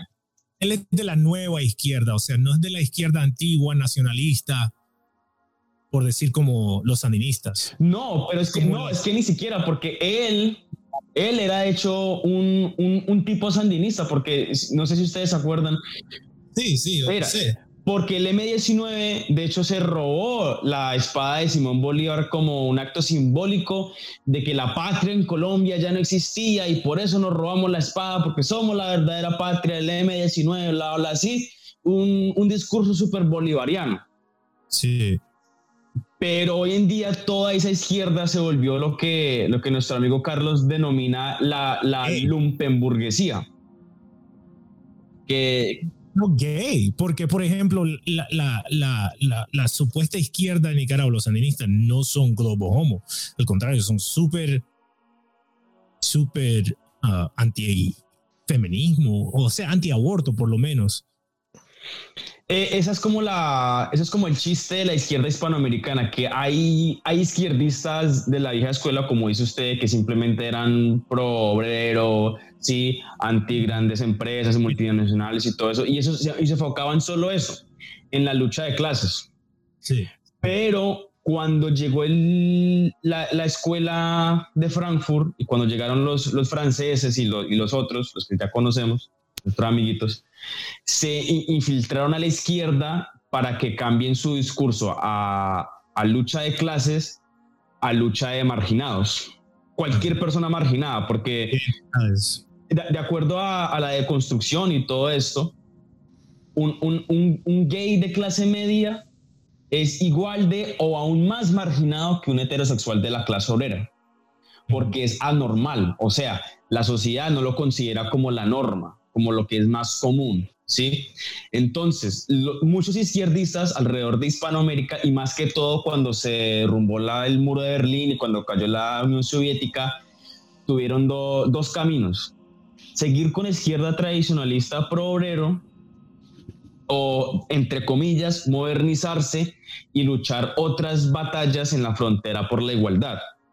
Entonces, de ahí viene esa abogacía por la comunidad LGBTI y, que, el animalismo y que las minorías y que toda esa vaina. De, hecho, de ahí proviene el Foro de Sao Paulo. El Foro de Sao Paulo fue formado después de la disolución de la Unión Soviética como para discutir qué significa, qué se va a significar la izquierda en el siglo XXI porque pues como en el siglo, a, finales del siglo XX se estaba viendo que, que, la situación del obrero estaba mejorando, ya sea por, por la economía capitalista o por la abogacía de, partidos laborales, como el Partido Laboral en, el, en, Inglaterra y en, Europa. O sea, eso sí, no sé exactamente por qué la condición del obrero mejoró, pero mejoró, objetivamente habían menos muertes en el trabajo, habían más garantías. Yo entiendo, yo entiendo esa parte, pero lo que quiero entender es en el, en el contexto de Colombia. O sea, cómo fue de, de un guerrillero antiimperialista, antiamericano, a, a un... Por el foro de Sao Paulo, fue por el foro de Sao Paulo, porque se dieron cuenta que de cierta manera luchar contra el capitalismo no servía porque simplemente estaba ganando una y otra y otra vez. El, el, sí, el, Yugoslavia cayó. Tradicionalmente Castro no era pro LGBT. Sí, porque era, era de la izquierda antigua. porque el, el, Castro no tenía necesidad alguna de modernizar su izquierda, porque él ya estaba en el poder, él ya ganó prácticamente.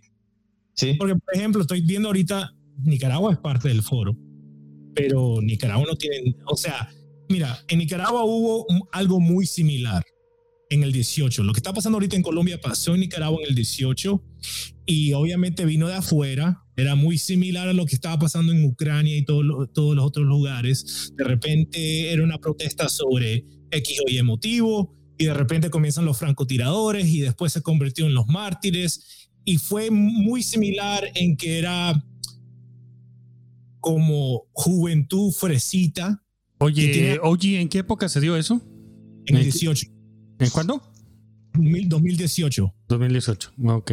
Y, y, yo estaba ahí en el, 17, o sea, como seis, meses, seis meses antes que, que, que lo que de las protestas y las cosas estaban sorprendentemente uh, muy bien. En mis, o sea, yo, yo quedé impresionado porque yo tenía como cuatro años de no viajar a Nicaragua y de repente voy y era como que me dolía el cuello de tanta construcción hacia el cielo. O sea, yo estaba viendo todas las construcciones y dije, wow, ¿cómo, cómo se ha desarrollado el país en este tiempo? Y, yo no, yo no soy, y no soy idealista, no soy saninista, pero tuve que en ese momento reconocer el buen trabajo que estaban haciendo en dirigir el país.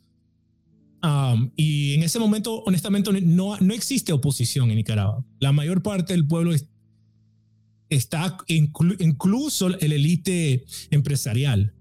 O sea, el sistema que han creado la clase ah, e, emprendedora ha sido bastante bien para la clase emprendedora. O sea, los sandinistas han Repartieron, eh, repartieron poder donde debían.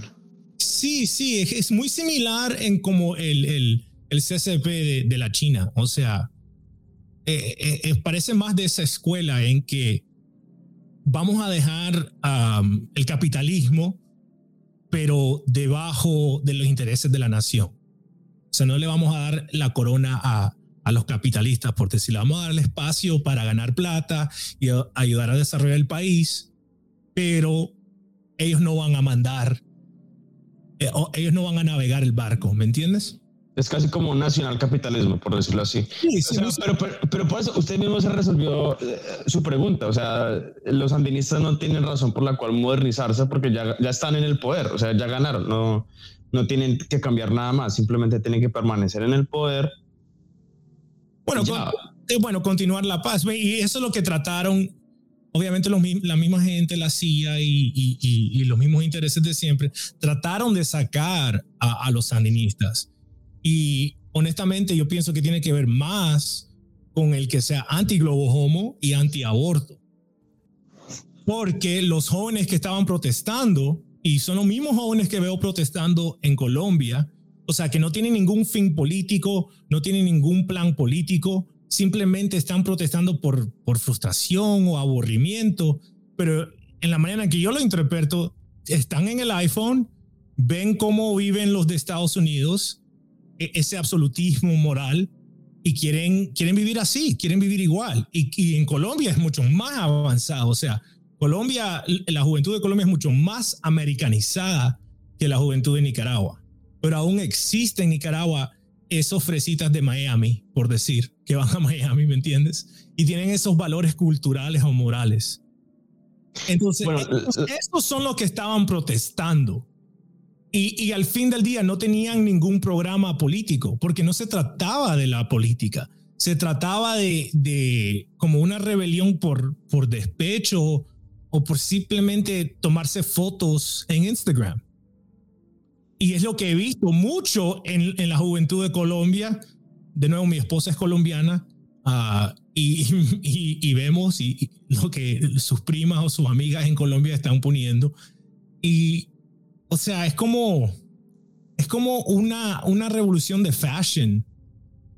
¿Me explico? Bueno, bueno, pero, pero primero tengo que aclarar que sí, pero los que están en paro ahorita, ahorita 13 de mayo, porque la razón por la cual hicieron un paro fue legítima, ¿sí? Las demás... Eh, pero sí, exactamente. Ya, ya el paro lo cogieron de moda, lo cogieron de parche, lo cogieron de, pero se de, recocha. es una recocha. Sí, ya, ya no se trata de, de, de los impuestos, se trata del muchacho que estaba bailando y no, no, me acuerdo cómo que se llama, y salió muerto después de unos días en el hospital. Claro, o sea, ya. Y, hecho. ¿Sabes de quién hablo? ¿Del que estaba torqueando? Ajá, ajá, y quedaba el. Ah, el que tenemos en el thumbnail. Sí, sí, sí. Ese vato. es que. Sí, sí. Y de hecho, había una. una y, que Dios me, y que Alá me perdone por estar en Reddit, pero vi una foto en, en R slash Colombia que. Redditor Detected. Redditor Detective. No, no, no, no, no, no, no, no, no. Pero eh, hay una foto, no, de, de, hecho, no, de hecho, de hecho, esta foto la saqué de, de de hecho, se las envió en, en el, en el, en el servidor de Discord, que, que los colombianos mamertos, o sea, los izquierdistas, se estaban poniendo bravos que porque como lo, lo, pasó lo de Palestina, ahora todo el mundo le está echando ojo a Palestina y ahora los colombianos le están ignorando. Y ahora están tratando de, no, no, no, todavía no están oprimiendo, no están matando a la policía, les más, no están matando, no están matando. Sí, haciéndose lo, los, los oprimidos. Se los acaba de enviar en el, en el servidor. Entonces sí, o sea, desafortunadamente sí, hay una generación de, de gomelos, sí, estrato 4, que se creen los, los oprimidos, los pobres, los, desamparados y quieren protestar por el hecho de protestar.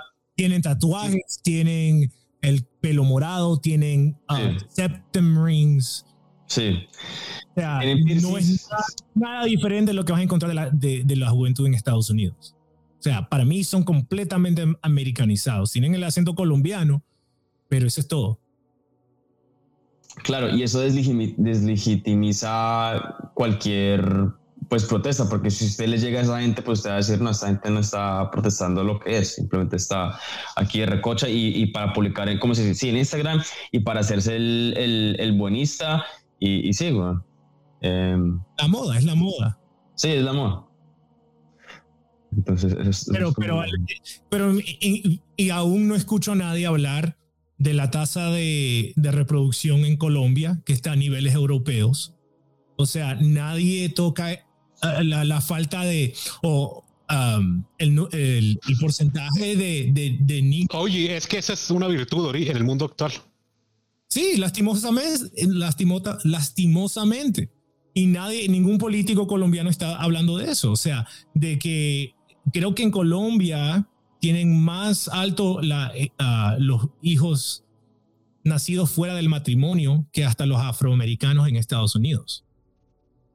O sea, hay problemas serios en la sociedad colombiana y nadie lo está tocando. Están hablando. oye, eso es muy machista. ¿Cómo te atreves a hablar sobre normas heteropatriarcales del siglo XX? O sea supérate, o sea, no, y así, o sea, hacia, o sea, uno habla de ese tema.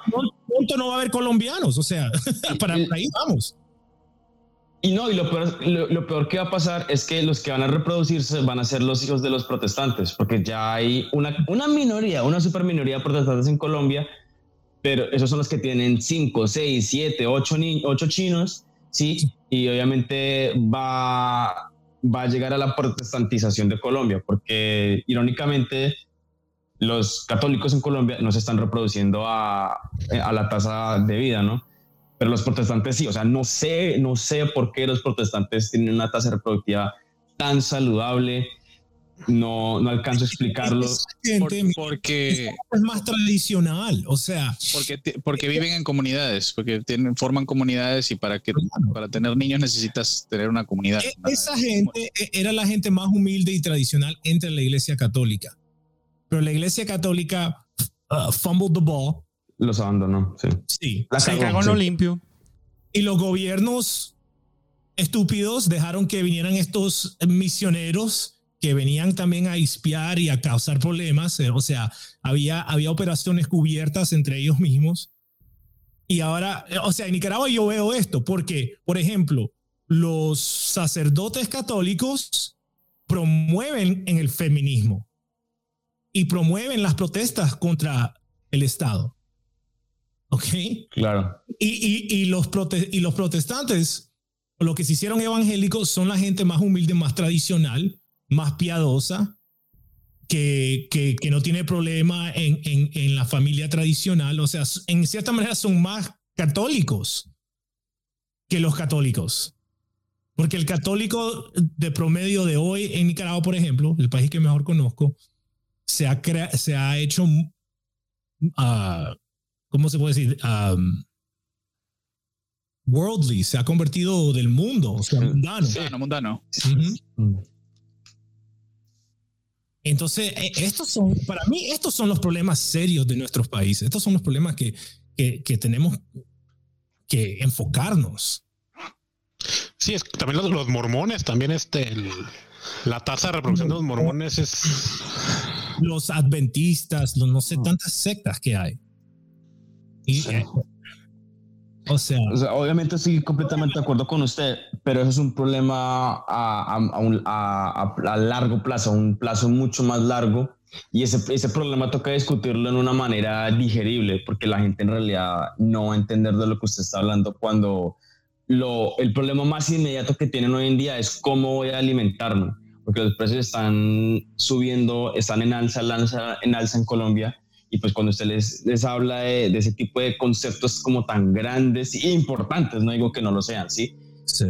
Lo van como medio a ignorar, como, o sea, hermano, se tratan de comer. No, yo entiendo que el pueblo no, pero, o sea, los élites tienen que entender esto.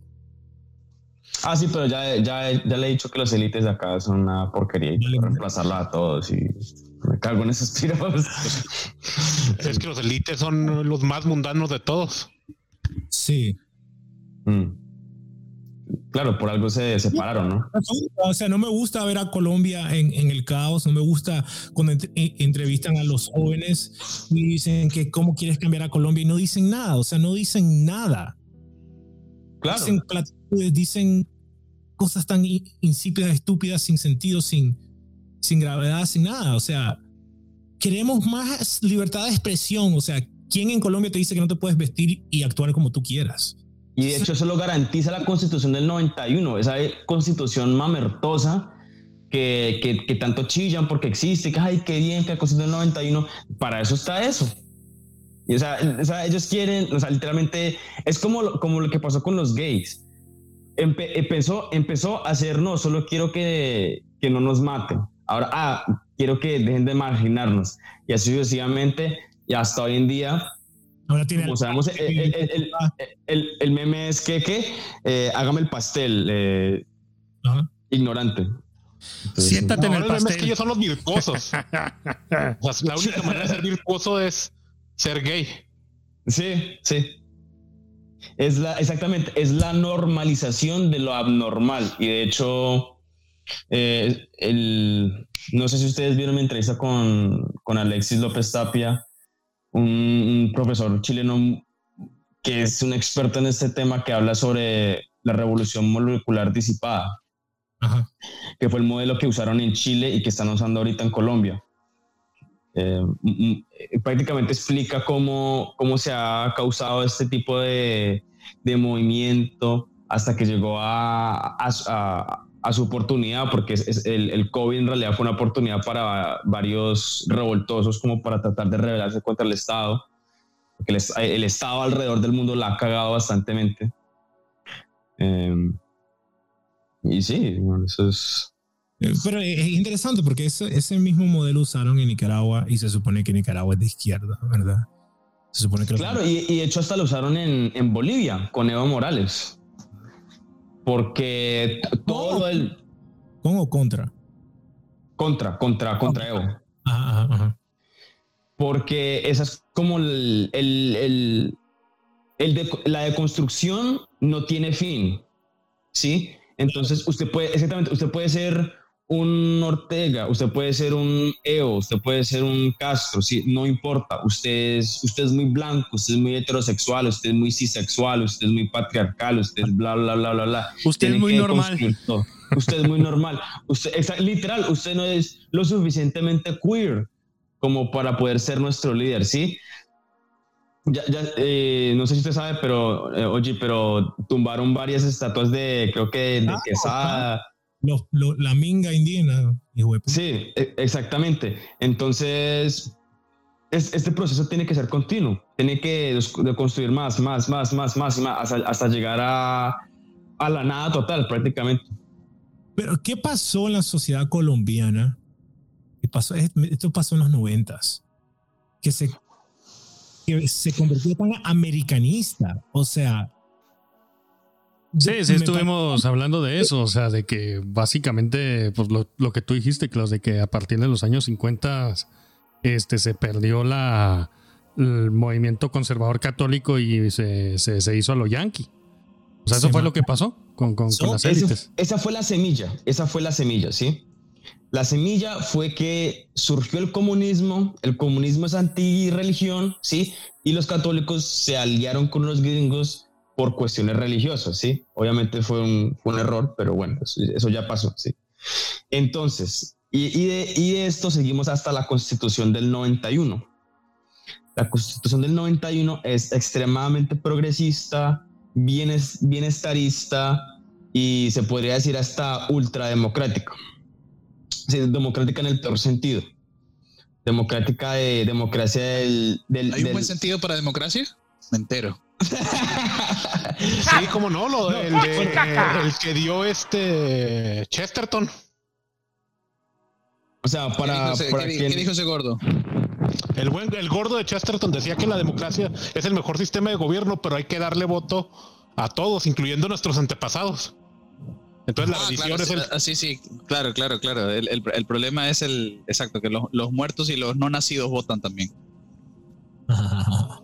bueno, es darle voto a los, a, todos nuestros antepasados y ver y cómo votan con la tradición, qué nos pasaron. Eso es lo que decía Chesterton. Entonces surge la constitución del 91, un montón de derechos sociales y, uno puede ser lo más marica que uno quiera, ¿sí? Y después resulta lo de la muerte de Pablo Escobar y el Plan Colombia, ¿sí? Entonces, como, como Colombia le quedó muy grande tratar de acabar con Pablo Escobar. Perdón, perdón, pero ¿qué pasa? ¿Por qué? ¿Qué, tiene que ver la muerte de Pablo Escobar? Sí, yo, yo, digo que sí tiene algo que ver. Dale, dale, quiero escuchar. Pero es que no entiendo, no, pero es que no entiendo. O sea, no, o sea, estoy preguntando, no estoy criticando, estoy preguntando. Sí, sí, sí, sí, claro, claro. Porque Pablo Escobar era una persona, como la mayoría de los narcos en ese entonces, muy antiamericanista, ¿sí? Los dos, los dos narcos más antiamericanistas eran Pablo Escobar y Carlos Leder, que Carlos Leder de hecho era un literal neonazi, ¿sí? Y de hecho era medio alemán, lo cual es chistoso. Ah, pues, hay, una foto épica de cuando lo capturaron, que sale con su tatuaje de la esvástica alemana. Y ah, sí, sí. sí, sí. Entonces, pero sale, capturado de un montón de soldaditos este, morenitos, entonces... Este, basado, basado, basado, basado, basado, basado, basado, Sale como el, como el Aryan Chat, sí, sí, sí. es, Aryan Chat, sí. sí es, buena para, para engatillar a los, a los, a, los racialistas gringos, a los super sí, sí, sí, sí, sí. Bueno, entonces, como estos dos manes causaron tanto caos y tanta muerte y tanta miseria en Colombia, sí, y como fue, y como fue la DEA y el Deep State estadounidense que ayudó a Colombia a acabar con Pablo y con el resto, y, supuestamente con el resto del narcotráfico, narcotráfico, pues hubo como una afiliación subconsciente en la masa colombiana que no apoyaba al, al narcotráfico hacia los Estados Unidos. Ay, los americanos nos salvaron, nos ayudaron contra el narcotráfico. Esa es... De eso se, se aprovechó Uribe. Ah, claro, o sea, por eso le digo, eh, y de hecho estábamos hablando antes que el centro democrático sí, y todo el uribismo es como los good guys de acá, o sea, son sionistas, son pro Estados es una derecha típica, típica occidental. Entregaron, a Colombia a ser una colonia americana. Eh, y, y, por eso yo de cierta manera rescato un poco de Escobar, porque aunque era hijo de P, era... ¿Hijo de qué? Hijo de P. hijo de Pedro. Hijo de Pedro. Ah, sí, sí, en, Este, en, programa no decimos, no decimos, no decimos groserías excepto todas las veces que sí la decimos. Ah, puta madre. Chinga, ya no puedo decir nada. Estoy tratando de ser más decente. pero, pero, pero, pero Pablo logró parar la extradición a Estados Unidos de, lo, de, de, los narcotraficantes. Y eso puede parecer insignificativo, pero el, el, arrojar a Estados Unidos, la mano de Estados Unidos de, de, Colombia, el sistema criminal de Colombia, es, es algo bastante grande en, en mis ojos, porque ahora Estados Unidos no tiene control. En cuanto mataron a Pablo, regresó la extradición y fue ahí cuando Estados Unidos, con el Plan Colombia, se apoderó de Colombia. ¿Cuántas bases americanas están en Colombia? O sea, Colombia es básica, básicamente parte de la, de la OTAN. Chingos y chingos y chingos. O sea, o, sea, o sea que Chávez tenía razón cuando decía que Colombia eran unos vendidos al imperio. Hablando de Uribe, porque Uribe basó su poder político en aliarse con Estados Unidos supuestamente para deshacerse de los narcos, pero ¿qué pasó? Básicamente Estados Unidos se apoderó del sistema de venta de coca, mientras que Leder decía que nosotros no tenemos bombas, no, no podemos pelear contra Estados Unidos, pero lo podemos bajar en, en haciendo los adictos a la heroína y a la cocaína. O sea, Leder entendía que le estoy vendiendo a mi enemigo lo que ellos, o sea, su propia muerte. Su veneno. Sí, exacto. Su veneno. Pero ahora ese negocio, incluso en México, es, eh, eh, o sea, el, el ah, claro son los gringos. o sea, ah, es la razón por la que ahorita existe la guerra que, del narco aquí en México. O sea, es para que puedan desestabilizar todo eso y ellos puedan estar eligiendo, no, ahora me voy con este cartel y él me va a vender y no, ahora ya no me conviene, necesito un nuevo este, proveedor y para, para ellos reducir costos y seguir controlando todo el negocio de la droga. Ahora nosotros la, la elaboramos y la transportamos por ellos. Mientras que antes la elaborábamos y la transportábamos por nosotros mismos. Es que yo la, no sé si ahorita me pueda este, sacarle esta duda a Klaus, pero a mí se me hace que por lo que mataron a Pablo Escobar, y esa es mi teoría de conspiración, es de que él se saltó a los, a los americanos porque lo que hacen los americanos es de que ellos son eh, el gran secreto de, lo que es todo esto de la guerra de las drogas, de que los americanos son los que más trafican droga en todo el mundo. O sea, llega a Estados Unidos y de ahí se mueve que a Europa, que a Asia, bla, bla, bla. Se me hace que lo que quería hacer este Pablo Escobar era él venderle directamente a Europa y es cuando ahí salió el Deep State americano y dijo, no, no, no, no, no, no, no, no, esto no puede pasar. Y fue cuando pasó todo eso de, de que querían comprar submarinos rusos y bla, bla, bla, bla, bla para ellos, o sea, poder pasarse el Atlántico y ellos mover directamente la droga y pues quitarse al, al vato en medio. O sea, pues una, teoría muy interesante y, no la he escuchado. Es así, no. Esa es a la que yo he llegado. O sea, ya ligando así cosas, este, porque veo que pasa cada rato aquí en México eso. O sea, alguien este, empieza a surgir este, y empieza a controlar más el mercado y de repente lo trenan. Y es cuando vuelve a surgir todo el caos nuevamente. Es eh, eh, eh, la misma conclusión que yo, yo he llegado. O sea, estamos en la misma sintonía, Uji. Sí, exactamente. Porque, o sea, es evidente, analizando las cosas, viéndolas ahora con, con, tiempo, o sea, ¿cómo no vas a llegar a esas mismas conclusiones? Especialmente en Colombia, especialmente que después de, de Pablo entra Uribe, entra el Plan Colombia, entran todas las bases y, y, me da lástima decirlo, pero han convertido a Colombia en esencia un prostíbulo de Estados Unidos. O sea, Colombia ahora es un destino del turismo sexual. Era, era lo que habían hecho la mafia con Cuba. Sí, o sea, yo este, de hecho tengo amigos este, que están involucrados aquí en la política local y uno me decía, no, pues acá rato me estaba yendo que, que a Cali o no me acuerdo dónde, ahí pagados por el, por el partido político, pues para ir a tener ahí unas bacanales. Claro, claro. Aquí, o sea, políticos mexicanos de mi ciudad. Sí, sí. Y son los gringos que hicieron eso. Y bueno, lo, eh, bueno de hecho, Pablo también. El PRI tenía. Influyó mucho porque él fue el que formó lo que se conoció hoy la, la narcomodelo. Entonces, de hecho, eso también, eso, eso, es, eso es más endémico de la sociedad colombiana que, que una invención La buchona, o sea, básicamente el fenómeno de la buchona ahorita aquí en México, ya ustedes lo, lo, lo empezaron. Lo, inventamos y lo, sí. Pero, pero, tienes razón en ese sentido cultural, pero, o sea, en, en, en crear el, el, sistema de, de, ¿cómo se puede decir? Prostíbulo en Colombia, viene de las bases americanas. Mm, no, porque no muchas noticias de americanos haciendo cosas nefastas. Ah, no, sí, sí, sí, pero el, hasta los israelíes se tomaron a Taganga. Sí, sí, no, pero lo que, lo, que, lo que usted está diciendo, si no me equivoco, es que antes de que pasara eso, Colombia era un país donde casi no había ni puteríos, que eso no era pues era de muy degenerados. No, eso no, no era así. Colombia tiene sus las orgías más grandes o tenía antes en Colombia.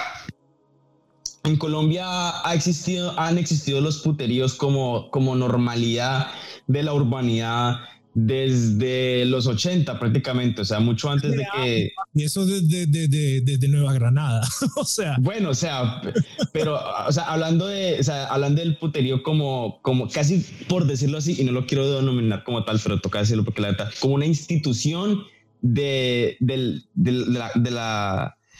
Tradicional. no, una, institución cosmopolitana de lo que significa vivir en una ciudad en Colombia. Sí, han habido puteríos así a lo más normal desde los ochentas. Que eso se haya internacionalizado, eso ya es otra, eso ya es otra cosa, sí. Pero Obviamente, Colombia pues, es el país que tiene las islas que básicamente, pues, este, nada más hay prostitutas y drogas, ¿no? Legales. No, yo sé. No, islas. O esa es Venezuela. Hay, una, playa, hay una playa que, que los israelitas se han tomado en la costa que se llama Taganga. Es un pueblo que era un pueblo muy bonito. Y con el tiempo los, ah, los turistas que salen de, de, las Fuerzas Armadas de Israel. Isla Epstein, así se llama. Llegaron ahí y han creado como una colonia y ahora la han destruido. Es un lugar muy feo, drogas, prostitución de niñas. O sea, y de nuevo, nadie está haciendo nada. Nadie, sí, exactamente, nadie hace nada al respecto y bueno, hay, conspiraciones por ahí que, que, por cuestión de YouTube no voy a hablar de eso, ¿sí? Em, eh, pero sí, o sea, por, por, cuestiones de, de la decadencia moral, por la cuestión de los narcos y todo eso, ya eso de, de, de la mujer prepagándose, eso ya existía desde los ochentas, porque cuando surgieron los narcos, pues pues sí. Pues los, o, los hombres estaban dando su vida fácil, entonces las mujeres también querían hacer su vida fácil, ¿no? Se operaban las tetas, el culo, salían con el narco, bla, bla, y se volvió como una normalidad.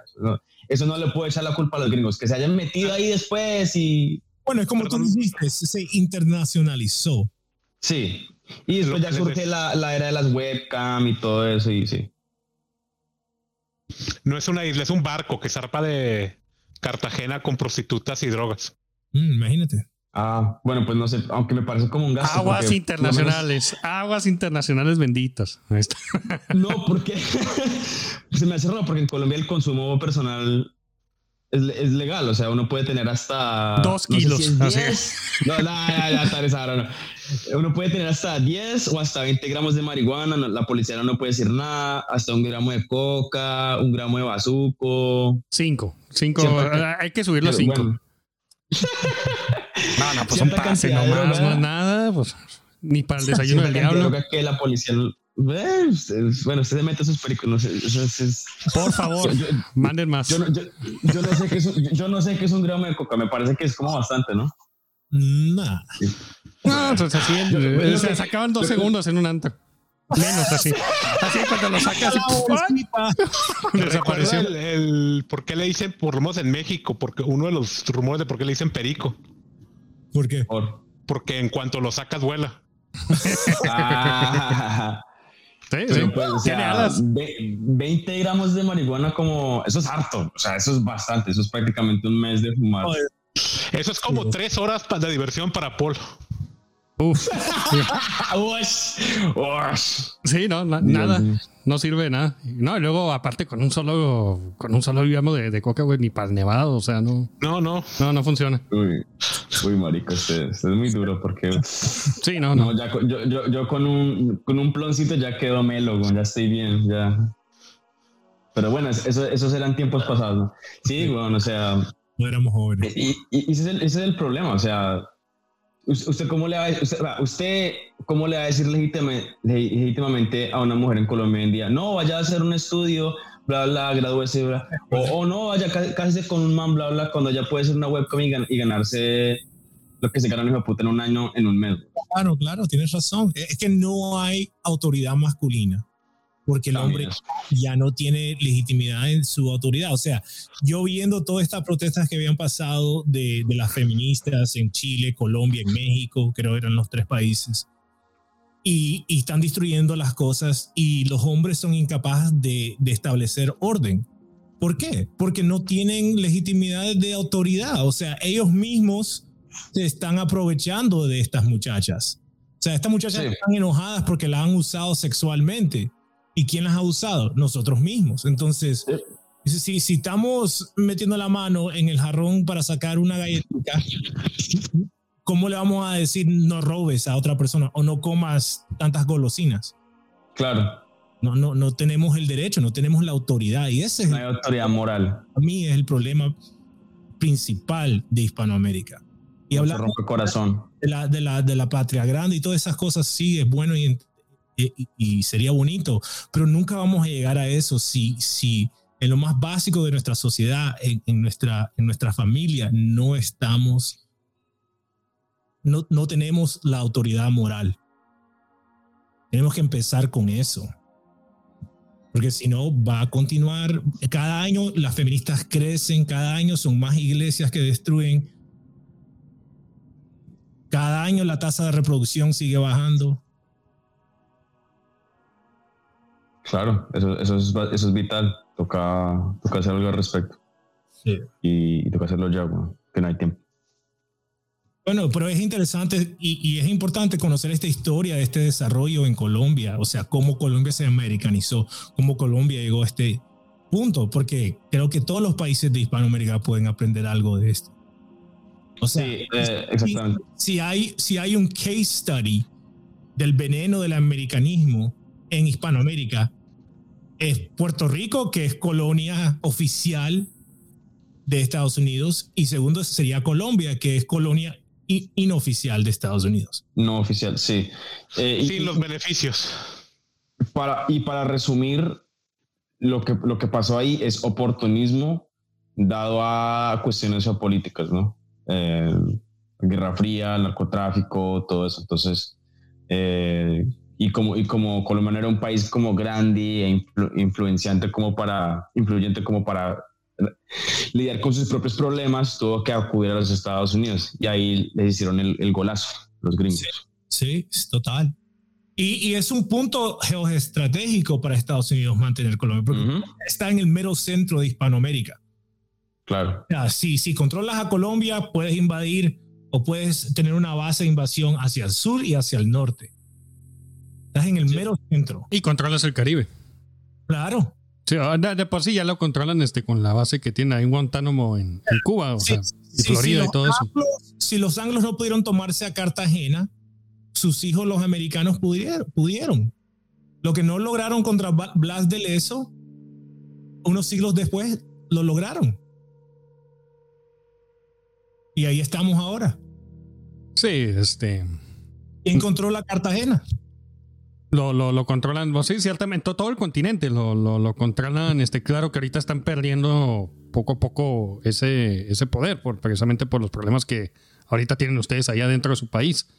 Pero, o sea, todo el continente, desde México hasta Patagonia, estamos completamente controlados. No se diga, pues también el Ártico, o sea, o sea todo, todo este, está va, bajo su control y este, cualquier movimiento político importante no pasa si Sí, sí, sí, ellos no, no, le dan el dedazo y el visto bueno. Y del estrecho de Bering a la Patagonia. Sí, sí. O sea, han, han, logrado su objetivo, este, básicamente, de América para los americanos. Eh, claro, con, con, con, con, el asterisco que se refieren a los yankees, pero. Claro, claro. Eh, y, y, de hecho, y de hecho eso, pasa alrededor del mundo. Por, por eso, si ustedes se dan cuenta, cualquier grupo, entre comillas, nacionalista y más que todo en Europa, siempre suele ser sionista o sea, cualquier grupo nacionalista que, que, se, que, que pueda ser como válido y que tenga una oportunidad realística como para tomar el poder, como el Rally Nacional en Francia, el AFD en Alemania. es que, tienes que tienes, no, tienes que besar el anillo, tienes que besar el anillo, Klaus. O sea, eso es este, ser, sionista. Tienes que besar el, anillo del, de, de, del, del, del, padrino, porque si no, claro te mata. Que sus televidentes saben de eso, pero quería recordarles. Nótense que cualquier movimiento nacionalista, hasta el más supuestamente basado, como por ejemplo Víctor Orban, ese man también es sionista. Esas son las reglas del juego. Esas son las condiciones.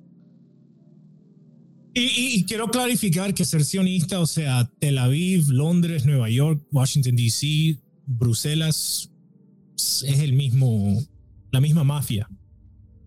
O sea, Sí, la civilización atlántida. Claro, exactamente. Esa es la realidad.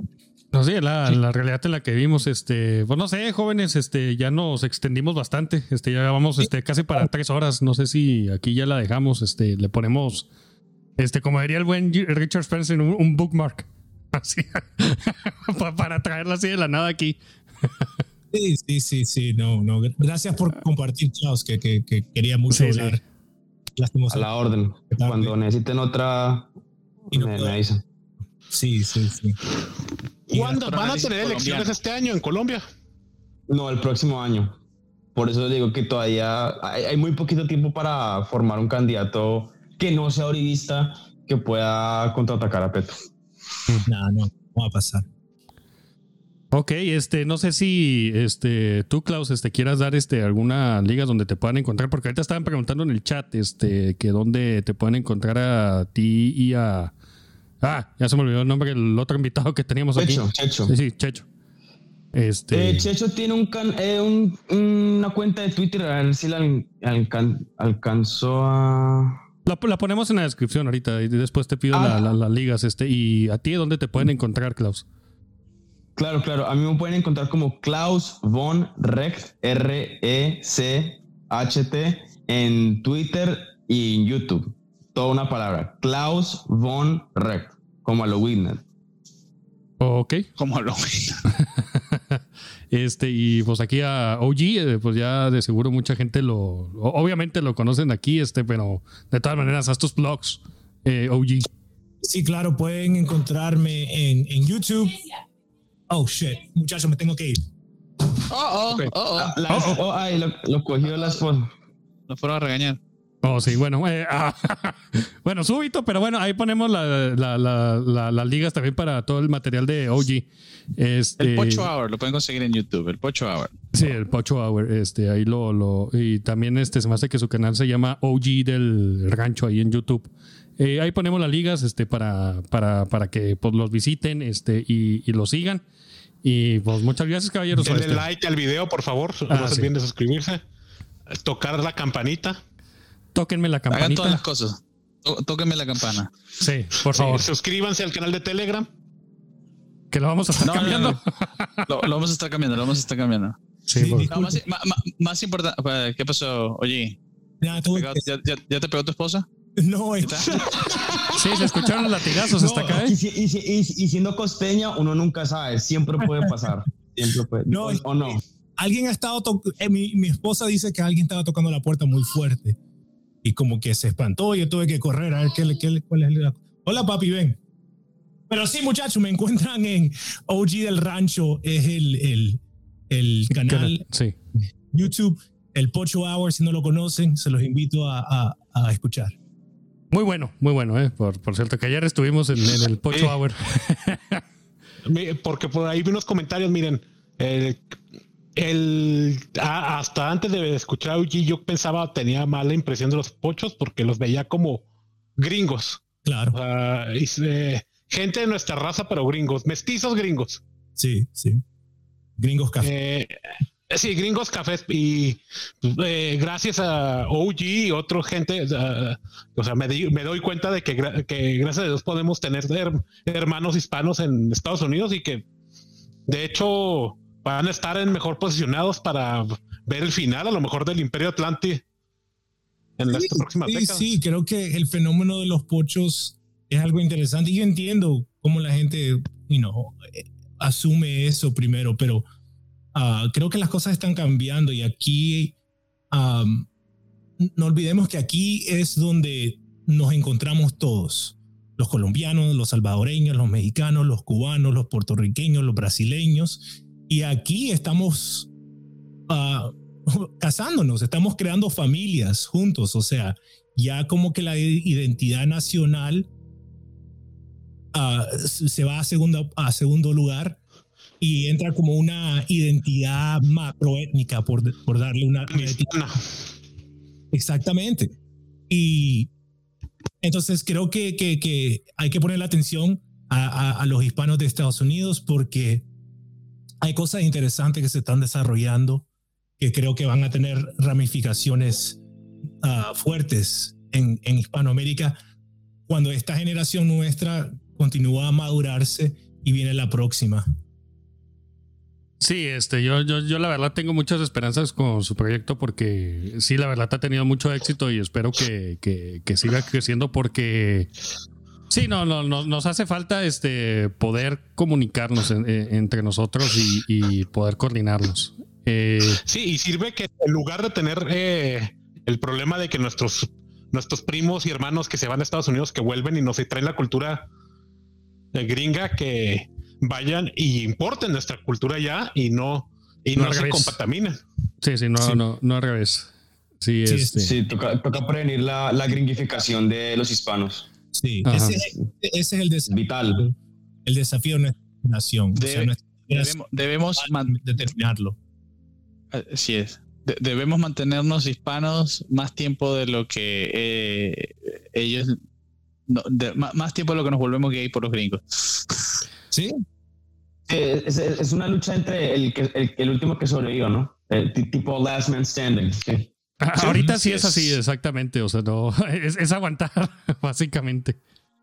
Sí, este, no, pues caballeros, eh, gracias por acompañarnos. Este, también a nuestra audiencia, como siempre, este, pues no estaríamos aquí si no fueran por ustedes. Y pues ahí nos estaremos viendo la, la siguiente semana. Un último recordatorio. Un último recordatorio. Sí suscríbanse al Substack, al Substack, también vamos a dejar ahí porque eh, si, nos, si nos quitan de YouTube y nos bloquean de Twitter y nos bloquean de donde sea, igual por ahí este, les llegan todo lo que publicamos directamente a su buzón de correo, es gratis, o sea, es como una suscripción, pero a todo el contenido de, de Mundo Republiqueta, pero una suscripción gratis, como estilo YouTube, que es solamente apretar un botoncito. Entonces, eh, y una, dos o tres veces a la semana le llegan correos con la recopilación de los, de los artículos más recientes y publicaciones eh, de podcast y demás.